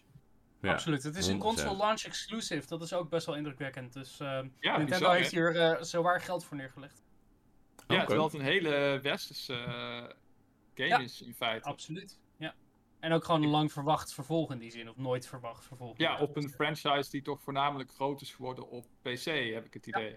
Ja. Absoluut. Ja. Interessante move, interessante move. Ehm, Eh, en eh, Daan, we hadden het inderdaad over Ron Gilbert. Eh, ja. Verder zie ik ook dat Daan Dragon Quest Treasures nog aandraagt. Ja! Oh, Sorry, Willem wordt eh, helemaal dit gek. was, Nee, dit was echt een van de weinige games waarvan ik dacht... hey, dit klikt voor mij op elk punt. Eh, het helpt dat Eric speelbaar is uit Dragon Quest 11. En dat was een van de leukste personages uit die cast. Mhm. Hij was heel Ehm, interessant, dat klopt. En eh, je, het is een actie-RPG Dragon Quest. Dus in tegenstelling tot alles turn-based ben je hier echt zelf meer aan het hakken en rond aan het zoeken naar schatten. En die gebruik je om je base te upgraden. En dat klinkt al als een hele leuke feedback loop in die Dragon Quest wereld. Eh, ja, geef, geef mij zo'n vette Dragon Quest spin-off. Hij komt in december uit, dus dat is ook niet lang wachten. En het, dit voelt inderdaad als een perfecte game voor mij om de winterdagen mee door te komen. Dus gewoon lekker hiermee chillen, op pad gaan, monstertjes levelen en die monstertjes gebruiken om de wereld verder te verkennen. Aight. Ik weet niet of iemand anders dat had, maar ik werd zeer... Ik, eh, ik, vond eh Dragon Quest eh, eh, 11, ja, vond Ja. ik een hele leuke game. Ik heb de postgame nooit gespeeld, wat ik eh, wel heb gehoord dat die... Ja, nee, ho, ik heb hem wel gespeeld op een bepaald punt en toen moest ik heel veel gaan grinden, want ik had de eindbaas, eh, ging ik naartoe, zeg maar, van de postgame. En toen had ik zoiets van, auw. en toen had ik zoiets van, oké, ik moet gaan de, de, grinden. voorzichtige, de voorzichtige vraag die ik stel is: welke postgame? It's, het is echt. Ik denk dat Dragon Quest 11 de beste traditionele RPG. Punt. Ik is denk dat het ik weet... zo'n goeie. ik, wa- hmm, ik wil geen Hmm. spoilers. Mm, nee, niet spoilen, maar mensen, die het mensen die het weten, weten wat ik bedoel. Ik denk dat ik op, de, op hetzelfde zit als jij. eh, maar in ieder geval. Eh, ja, ik moet hem uiteindelijk nog een keer even spelen. Een keer gaan grinden. Ik vond het een fantastische game. Ik kijk heel erg uit naar Dragon Quest 12. Wat ze daarmee gaan doen. Heel ja. Ehm Ik had stiekem verwacht dat we hier in deze direct namelijk eh, meer zouden zien van de 2D HD remake van Dragon Quest 3. doen. Ja, Een van Ja. de meest invloedrijke Dragon Quest RPG's aller tijden. Ehm, maar dit was een leuke verrassing. En eh, super Ik- cute. ik, Meer ik miste gameplay. ook. Ik miste ook de Final Fantasy Pixel Remastered games. Die, die, die verwacht ik ook nog elk moment op de Switch. Had ik ook eigenlijk wel verwacht. Ja, ja, Final Fantasy eh, Pixel Remasters. Eh, ik zie ze dat bewaren voor een daadwerkelijke direct. Ik denk dat dat ook misschien wel slim is om te zeggen over deze direct. Ik weet niet hoe jullie dat voelden, maar het, het voelt alsof Nintendo de post-pandemie echt verkeerd aan heeft ingeschat. En nog niet klaar was om dingen te delen. Dat Dit zou voelt kunnen, ja. namelijk als een direct waarbij elk stukje Nintendo eruit was geknipt, behalve Mario Rabbits. Ik ben ik het Ehm, niet helemaal mee eens. Want ik vind dat dit jaar al redelijk Nintendo vol is. Oké, ehm, dus- vertel. Verklaar u nader. Verklaar u nader. Nou, als je kijkt naar het afgelopen jaar, heb je dus. eh, het enige wat ik zou kunnen zeggen is dat ze bepaalde games meer hadden kunnen spreiden. Maar als je kijkt, eh, en ik weet niet even alles uit mijn hoofd, maar help me mee als ik iets vergeet. Januari had Legends Arceus. Mhm. Februari was de enige lege game, geloof ik. Ik geloof dat de Kingdom Hearts Memory was. Nee, had- Mm, nee, dat was. eh, Je had De 3 cloud maart. Triangle Strategy, toch? Dat is praktisch. Triangle Strategy. Dat is maart. Dat is 10 en dan had je ook ja. Kirby, had je ook maart. Ja, Kirby. Eh, Ja. In, feite, in feite heb je nog steeds drie games in drie maanden. April had je Switch eh, Sport? die s- Nintendo Switch Sports. Mei had je, ja. Ja. Je kan dit, je kan dit. Ja. Niet. Haha. Strikers? Oh nee, Strikers was... Was Strikers? Juni. Strikers was juni, juni ja, samen met eh Three Ja. Hopes. Oh ja, ja, ja. Juli heb je, eh, en had je eh, Monster Hunter Sunbreak. Eh, dan heb je juli heb je Live Alive en Xenoblade Chronicles. Dan heb je augustus, die geloof ik leeg is. Wat hebben we? Eh, dan heb je september hebben we eh, Splatoon 3. Dan is oktober geloof ik niet leeg, want dan heb je Mario Plus Rabbids. Dan Mhm. heb je november, dan heb je Pokémon. En dan is Mhm. december leeg. Met Maar dan heb je nog steeds- Nita. Metroid Dan heb je. Bayonetta, je hebt Bayonetta 3. Bayonetta. Nee, Bayonetta. Bayonetta komt niet. Nee. Die, komt niet. Eh, Bayonetta 3 en dan heb je nog Advance Wars, die ergens nog uit moet komen. Die dus gaat dan ook dit je- jaar niet gebeuren. niet meer komen Ik dit eh, weet vrij zeker dat Nintendo zich niet wil branden aan die franchise. Dat zou best kunnen, ja. Omdat wij Nee, echt maar, voorbij het Europese conflict zijn. Ehm, maar ik denk dat als je nu al zo kijkt, dat zijn alleen de Nintendo gefocuste titels, zeg maar. En als je dan nog eens de third parties die nu zijn aangekondigd bij toevoegt. Dus dan heb je Nier, dan heb je de Persona games, dan heb je eh, al de indies die er tussendoor zitten. Vind ik het best een vol jaar. In ieder geval mijn portemonnee vindt het een pijnlijk jaar. Ja, I don't know. same Het-. Ja, zijn wel titels die genoemd zijn, maar waar nog weinig van getoond is. En zelfs dan voelen bepaalde maanden nog wel vrij leeg. Weet je, zelfs een Pokémon als een november. Ja, weliswaar deels Nintendo published, maar vaak hebben ze in november toch nog wel een eigen aanvulling op die release calendar. En dat mist nu nog. Ja, maar je mist misschien een handjevol. Je kan eigenlijk het hele jaar ook praktisch invullen. En je mist misschien nog één of twee titels die er nog bij komen. En Ja, ik weet bedoel, niet. Als je nu kijkt... Maar zelfs dan nog, bedenk je nu dat in deze direct er bijna geen Nintendo-materiaal zat, terwijl er wel titels zijn waar mensen op wachten of naar uitkijken Ja, voor maar dat is denk ik toch een bewuste keuze. Ik bedoel, ze hebben in de Omdat ik zomermaanden... denk dat ze gewoon heel erg achterlopen met bepaalde zaken. Ik bedoel, Ja, als je december als uitgangspunt neemt en het feit dat Bayonetta nog steeds niet vertraagd is, officieel. Ja, maar Ik dat, bedoel- dat ligt, ja, maar ligt als je- meer bij Platinum, denk ik. Als je kijkt naar wat ze nu uitkomen, hebben ze dan een direct nodig? Nee. Nu niet Nee. meer. Nee, zeker niet. Maar dit voelde Nee, wel nee, als nee, maar direct. zelfs, zelfs als ik zonder, dat zei ik ook zeg maar toen die geruchten begonnen op te spelen begin eh, eh, juni. Toen Mhm. had ik al zoiets van, als die geruchten niet waren geweest, had ik eigenlijk gezegd dat ik geen direct zou verwachten van Nintendo. Waarom? Je hebt Xenoblade in eh, eh, Juli. nu, in juli. Eh, dan heb je Live Alive erin zitten. Nou, dan kan je op Twitter kan je daar makkelijk dingen in gooien. Dan heb je vervolgens augustus, waar het eerste moment is waar ik zou zeggen, dat doe je een Splatoon direct bijvoorbeeld. En dan doe je in september je september direct. En dan kan je alsnog oktober, november, december, januari, februari invullen. Hmm. Ik weet niet. Ik, ik mis ook een beetje in, in het verlengde van die gedachte updates voor support. Weet je, Nintendo 64 Online is nu klaar Mhm. met de huidige selectie. Eh, Mario Strikers Football League ligt er. Ehm, DLC-update voor ehm, Mario Ja, Kart. echt veel op die game, Mario man. Kart. Echt een leuke game. Mario, Ja. Kart, eh, Mario Kart komt deze maand met zijn tweede wave. Als mensen hadden, geloof ik, eh, een soort van eh, dingen, hoe heet het, een berekening gemaakt. Als je perfect zou kijken naar elke maanden die nodig zijn, is juli de eerste moment dat wave 2 uitkomt. Maar als we, als we naar de hele geschiedenis van Nintendo kijken, dan is berekenen wel het laatste wat gewerkt heeft ooit. Precies. dat klopt. Al vind, ik het Uitstellen is wel, al vind ik het wel een mooie gedachte. En we moeten natuurlijk ook niet vergeten dat ze wel eerder met Smash een soortgelijk schema hebben aangehouden. Waarin je toch wel een soort van aan zag komen van... Oké, nu ongeveer gaan ze weer een character eh, de deur uit doen. Dus ja. Wie weet. Maar I don't know. Het ik was vind een wel... vette voor partner mij- showcase. Maar Ja. het, het miste de oemf wauw. En zelfs met een Persona, zelfs met een Near Automata, superleuk. Maar weinig waarvan ik echt dacht van, wow. Ja, maar Dit het is is, een, het is een partner direct. Wat verwacht je? Wat, wat had je Nou, verwacht ja. van een partner direct? Ik wil gewoon Batman Arkham Collection, oké? Mag ik egoïstisch zijn? Dat is ook mag. een poort. Dat is ook gewoon een poort. Ja. Maar collectie. ik weet, als ik kijk naar. Op zich zie ik nu niet. Als ik kijk naar. En dat is ook natuurlijk. Ik ben egoïstisch dan. Want als ik kijk naar de komende maanden. eh, inclusief de games die zijn uitgekomen. Heb ik geen andere games meer nodig. Tot en met het nieuwe jaar. Ja, Ik mijn heb- agenda zit ook gewoon vol hoor. Maar, ja. Ik zit gewoon bomvol met games. En sure, als jij niet van RPG's houdt, dan is het een heel saai jaar. Ehm, misschien. Eh, maar ja, goed, als je dan weer in de geruchtenmolen gaat kijken. Metroid Prime HD wordt gigantisch hard gepusht nu weer. Komt weer naar boven water drijven. En je hebt nog een Zelda-collectie die ergens eh, in de Windwaker eh, Twilight eh, zone zit. En eh, je hebt nog ergens een Donkey Kong die verdwaald is, geloof ik, in het Universal Park. Die ook nog ergens door eh, het Mario Odyssey team wordt gemaakt. Je weet het niet. Het zou zomaar Het zijn september wel, kunnen het zijn zijn. wel aannames dit hoor. Ja, het Maar zijn wel aannames. Ik denk dat de bottomline gewoon is, Nintendo hoeft niet. Nintendo heeft niet. games die Ja, maar heel dat is het binnenkort- punt. Dat- allemaal, dat allemaal grote titels die, binnen- re- die relatief binnenkort uitkomen. Dus tot met, wat Robin net al zei, tot met augustus, praktisch september eigenlijk, zitten ze gewoon gebakken. En daarna nou ja, hebben ze sowieso nog Pokémon, maar daar hebben ze nog wat dingetjes om, eh, om in te vullen. Heb je misschien moet Bayonetta 3 wel ergens in de oktober gedropt of zo, of in december. Je weet het niet. Dat is nog net wat waarschijnlijker dan die eh, rumored eh, Donkey Kong eh, game.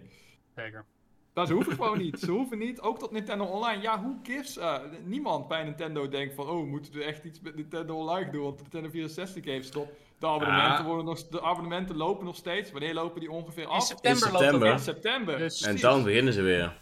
en was dan keer dus ook. ook weer een direct of een presentatie met van... Hey, we hebben weer eh, Tetris 99, Mario 99 Plus één. en Pac-Man 35 in één pakket gestopt. Wat je nu weer voor een maand kan spelen.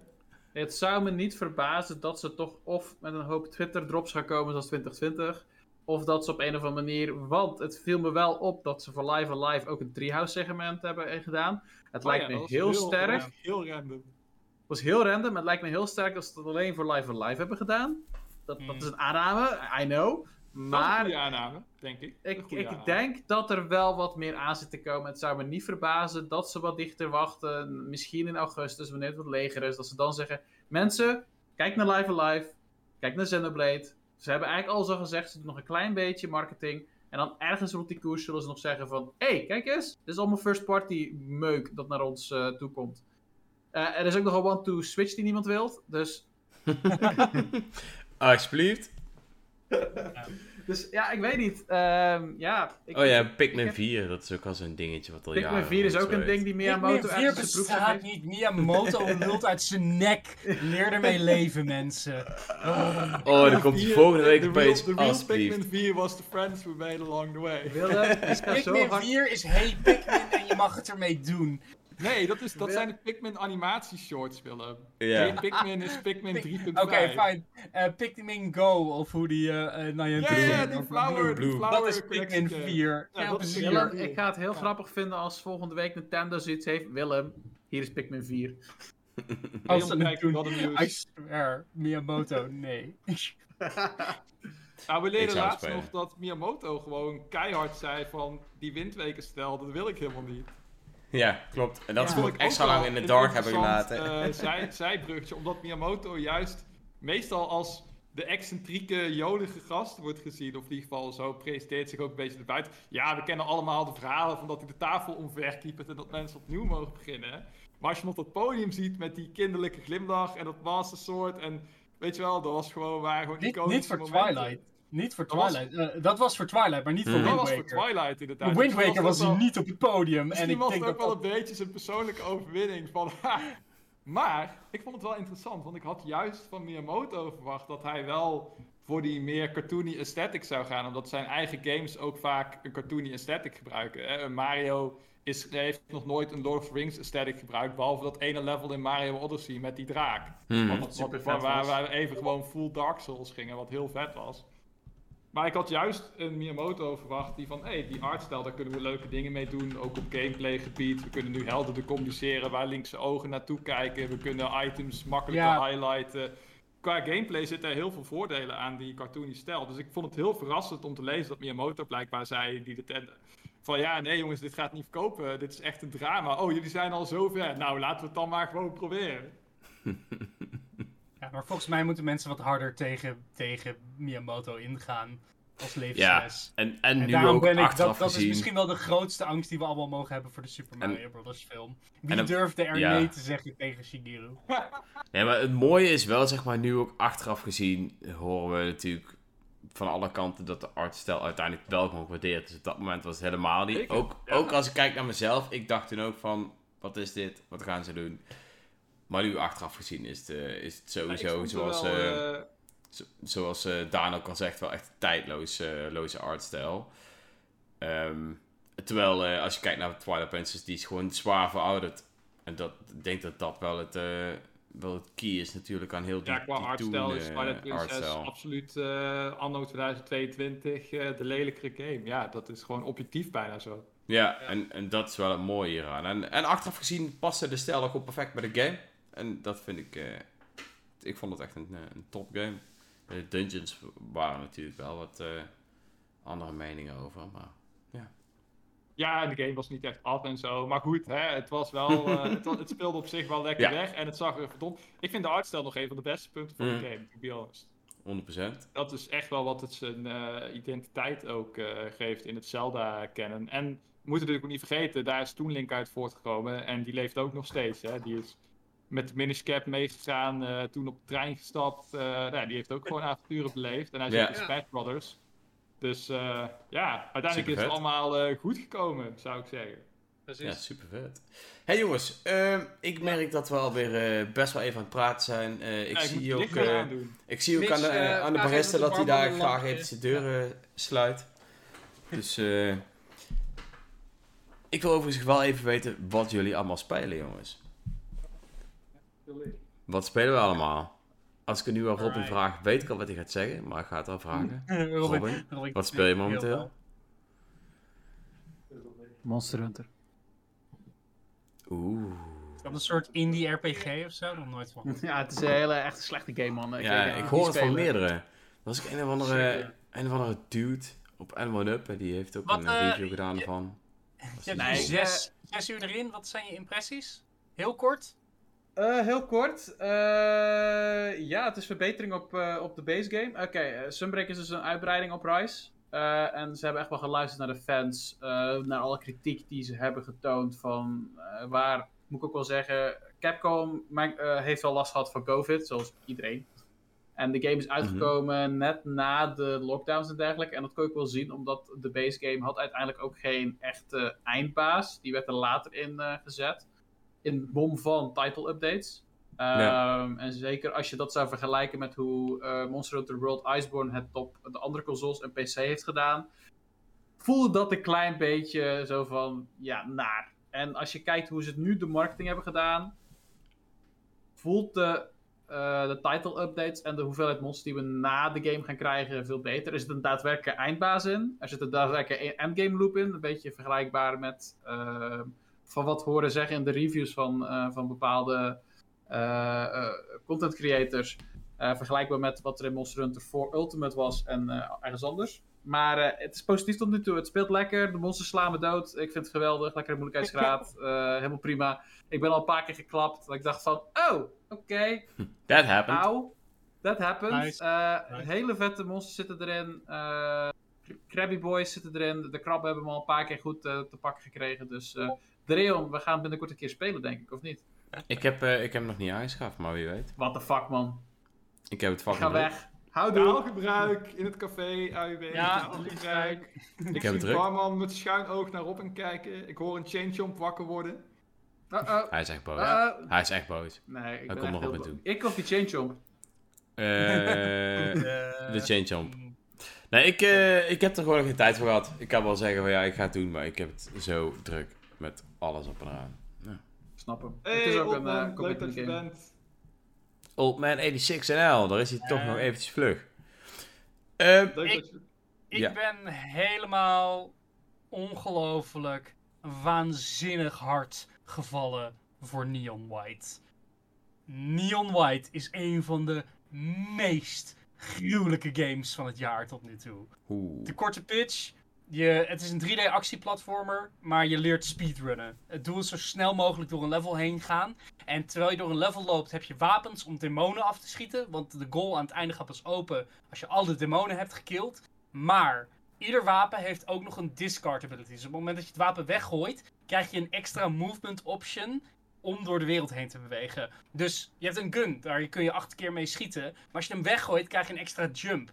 Je hebt een shotgun die als je die weggooit, verander je in een meteoriet en kun je naar voren dashen. En op die manier maakt het de game continu uitdagend. En het zit zo strak in elkaar. Er is aan het einde van elk level een leaderboard waarop je kan zien wat jouw tijd is vergeleken met vrienden. Ja? En daardoor blijf je gemotiveerd om toch maar milliseconden eraf te halen. Elke game heeft een goal om te halen met medailles. Je hebt eh, brons, zilver, goud en ace. En pas als je ace hebt, heb je het level uitgespeeld.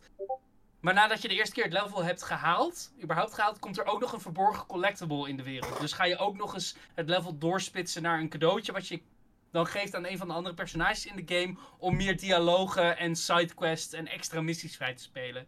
Het zit zo goed in elkaar. Like, echt. Neon White is zo fantastisch.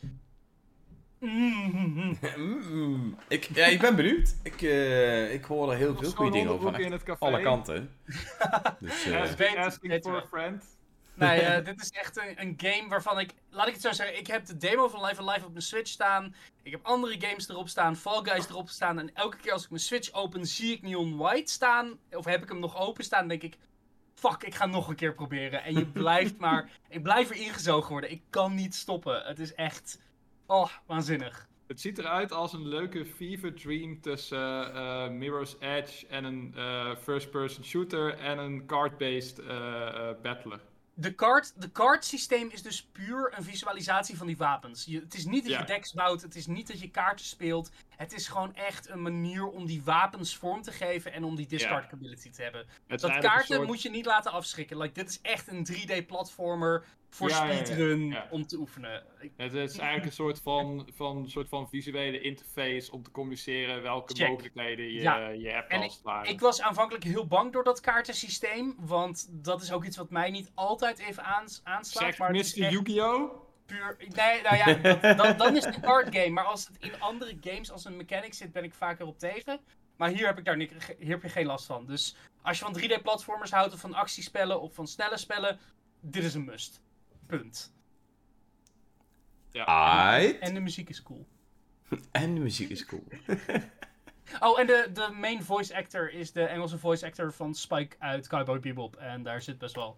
Het heeft een soort pulpy anime sfeer en stijl. Ook in het schrijven van de wereld. Dus als dat je aanspreekt, hey, leuk. Ja, Doen. ik hoorde dat de dialogen heel slecht waren. Of Ik, ja, ja, maar ik vind het ook wel pulpy anime vibe, right? Het is echt alsof je kijkt naar, you know, een, een, de, de dialogen zijn een beetje de filler afleveringen, maar bouwen wel op aan character, maar het is niet. Nee, het is niet hoge proza, weet je. Het is niet, eh, wat ik heb gehoord van mensen, dat je een filosofieboekje moet openslaan. Nee, nee, nee, dat, dat hoeft natuurlijk niet altijd Nee. zo. Maar als er wordt gepraat over groottes van bepaalde geslachtsdelen en zo. En schoolmeisjes en weet ik veel wat allemaal. Dan, Absoluut. eh, En dat kan, dat, dat kan je absoluut niet klikken. Deze, Maar tot dusver- trash, trash. Alle dialogen Eh. zijn ook, ook skipbaar en eigenlijk speel je het niet voor het verhaal, laat ik eerlijk zijn. Oké. En jij, Mitch? Ja, Mitch? Eh, dat is een goede vraag. Ja, ik ben eigenlijk eh, verrassend genoeg eh, Fall Guys aan het spelen. Ik had niet gedacht dat ik het ooit nog zou zeggen, maar het is een game die populair is bij de community. En ik snap waarom, want ja, de Switch is eigenlijk de eerste keer dat ik het speel. En ondanks dat het niet de beste versie is om te spelen, qua weet ik veel, eh, ja, framerate en vloeiendheid en al die dingen, werkt het goed genoeg. Eh, en is het ja, weer een typisch voorbeeld van iets dat zo simpel en eenvoudig is. Eh, ja, het is eigenlijk een multi massive multiplayer online eh, platform met 60 man. En je moet platformen en elkaar een beetje eraf duwen en soms wat opdrachtjes uitvoeren.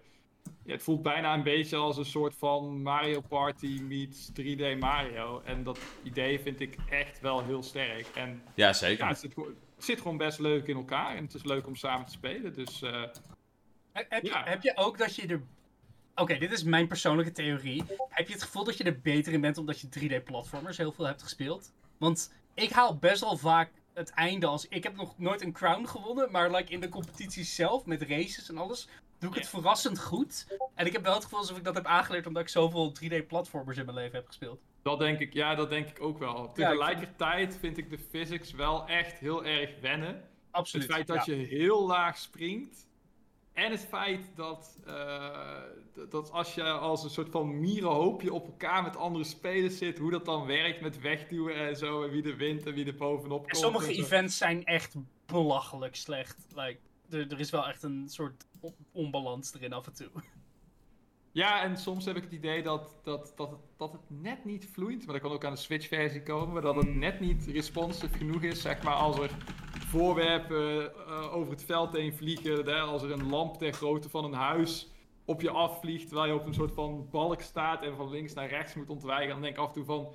Ja, maar die had het toch ontweken. Maar dan heeft hij me toch net geraakt. Ja, het is, eh, maar het is allemaal niet... Het is allemaal, het is allemaal niet super wauw of zo. Maar het is wel... Het totaalpakket is gewoon vet. En het is leuk om. eh, ja, het, het komt wel echt tot leven als je het zelf met een squad speelt en dan op stream. En ja, het is gewoon leuk, het is gezellig. En het is lekker toegankelijk. Dus ik, eh, het voelt als een game die gewoon al jaren geleden op de Switch had moeten uitkomen. Maar ik ben toch blij dat hij er uiteindelijk, eh, uiteindelijk is. Ja, Uiteindelijk. gewoon een beetje lekker met de combinatie van nu free-to-play en toegankelijk voor iedereen. Dat Ja. maakt het gewoon best wel chill. Ja. Dus eh, En- nice. Ik speel nog gewoon trouw iedere avond een paar potjes Mario Strikers. Want het is gewoon een vette game, Willem. Het is echt een vette game. En er mag dan Hey, geen content hey, hey. zijn. Mitch, Mitch, hoeveel characters zijn er inmiddels? En stadions, en hoe zijn die clubs, hè? Hè, Mitch? Ja, de club is best leuk. Het, het is alleen wel een beetje grindy. eh, maar goed, we hadden ook wel meer actieve mensen nodig in onze club. Want er zijn wat randoms gejoined. En er zijn ook wat mensen die volgens mij Willems review iets te enthousiast doorgelezen hebben. En toen zijn afgehaakt. Maar het is echt wel, het is echt wel, het is echt wel de, de basis gameplay is de mate sterk dat het echt gewoon leuk is om gewoon Ik heb, te ik heb nog geen update voor die game gezien. En ik moet eerlijk zeggen, sinds drie dagen na mijn review heb ik eigenlijk ook geen seconde meer gedacht. Nou, laat ik het weer eens een kans geven. Het is echt Zonde. zo van me afgegleden. En fijn dat het voor anderen klikt, right? Mijn, mijn mening is mijn mening. En dat is, Zeker. you know, Ja, het. zeker. Maar mm, eh, ik, ik hoopte op meer en ik hoop nog steeds stiekem op meer. Ik denk dat er nog wel meer gaat komen. Ik denk dat nog wel meer Oh, dat hebben ze gezegd, maar we weten wat en hoe. En hoe trekt mij dat terug? Dat is weer een ander verhaal natuurlijk. Maar eh, ja, ik weet niet. Ja. Ik vind het een leuke game. Eh, Ik kan er niks aan doen. Nou, prima. Nou, prima. En jij, Dreon, heb jij nog iets gespeeld? Eh, ja, ik heb het momenteel echt super druk. Maar ehm, ik heb al besloten dat ik nog voordat ik ga beginnen aan Xenoblade Chronicles 3... dat ik nog even de Torna DLC doorspeel. Want eh, verrassend genoeg heb ik die nooit echt gespeeld. Ik was eh, al lang klaar met eh Xenoblade Chronicles 2 toen de Torna DLC kwam. En volgens mij ben ik toen rond die tijd ook net begonnen bij N1 Up. Dus heb ik, of ja, Nintendo Ah, nog ja, ja. toen.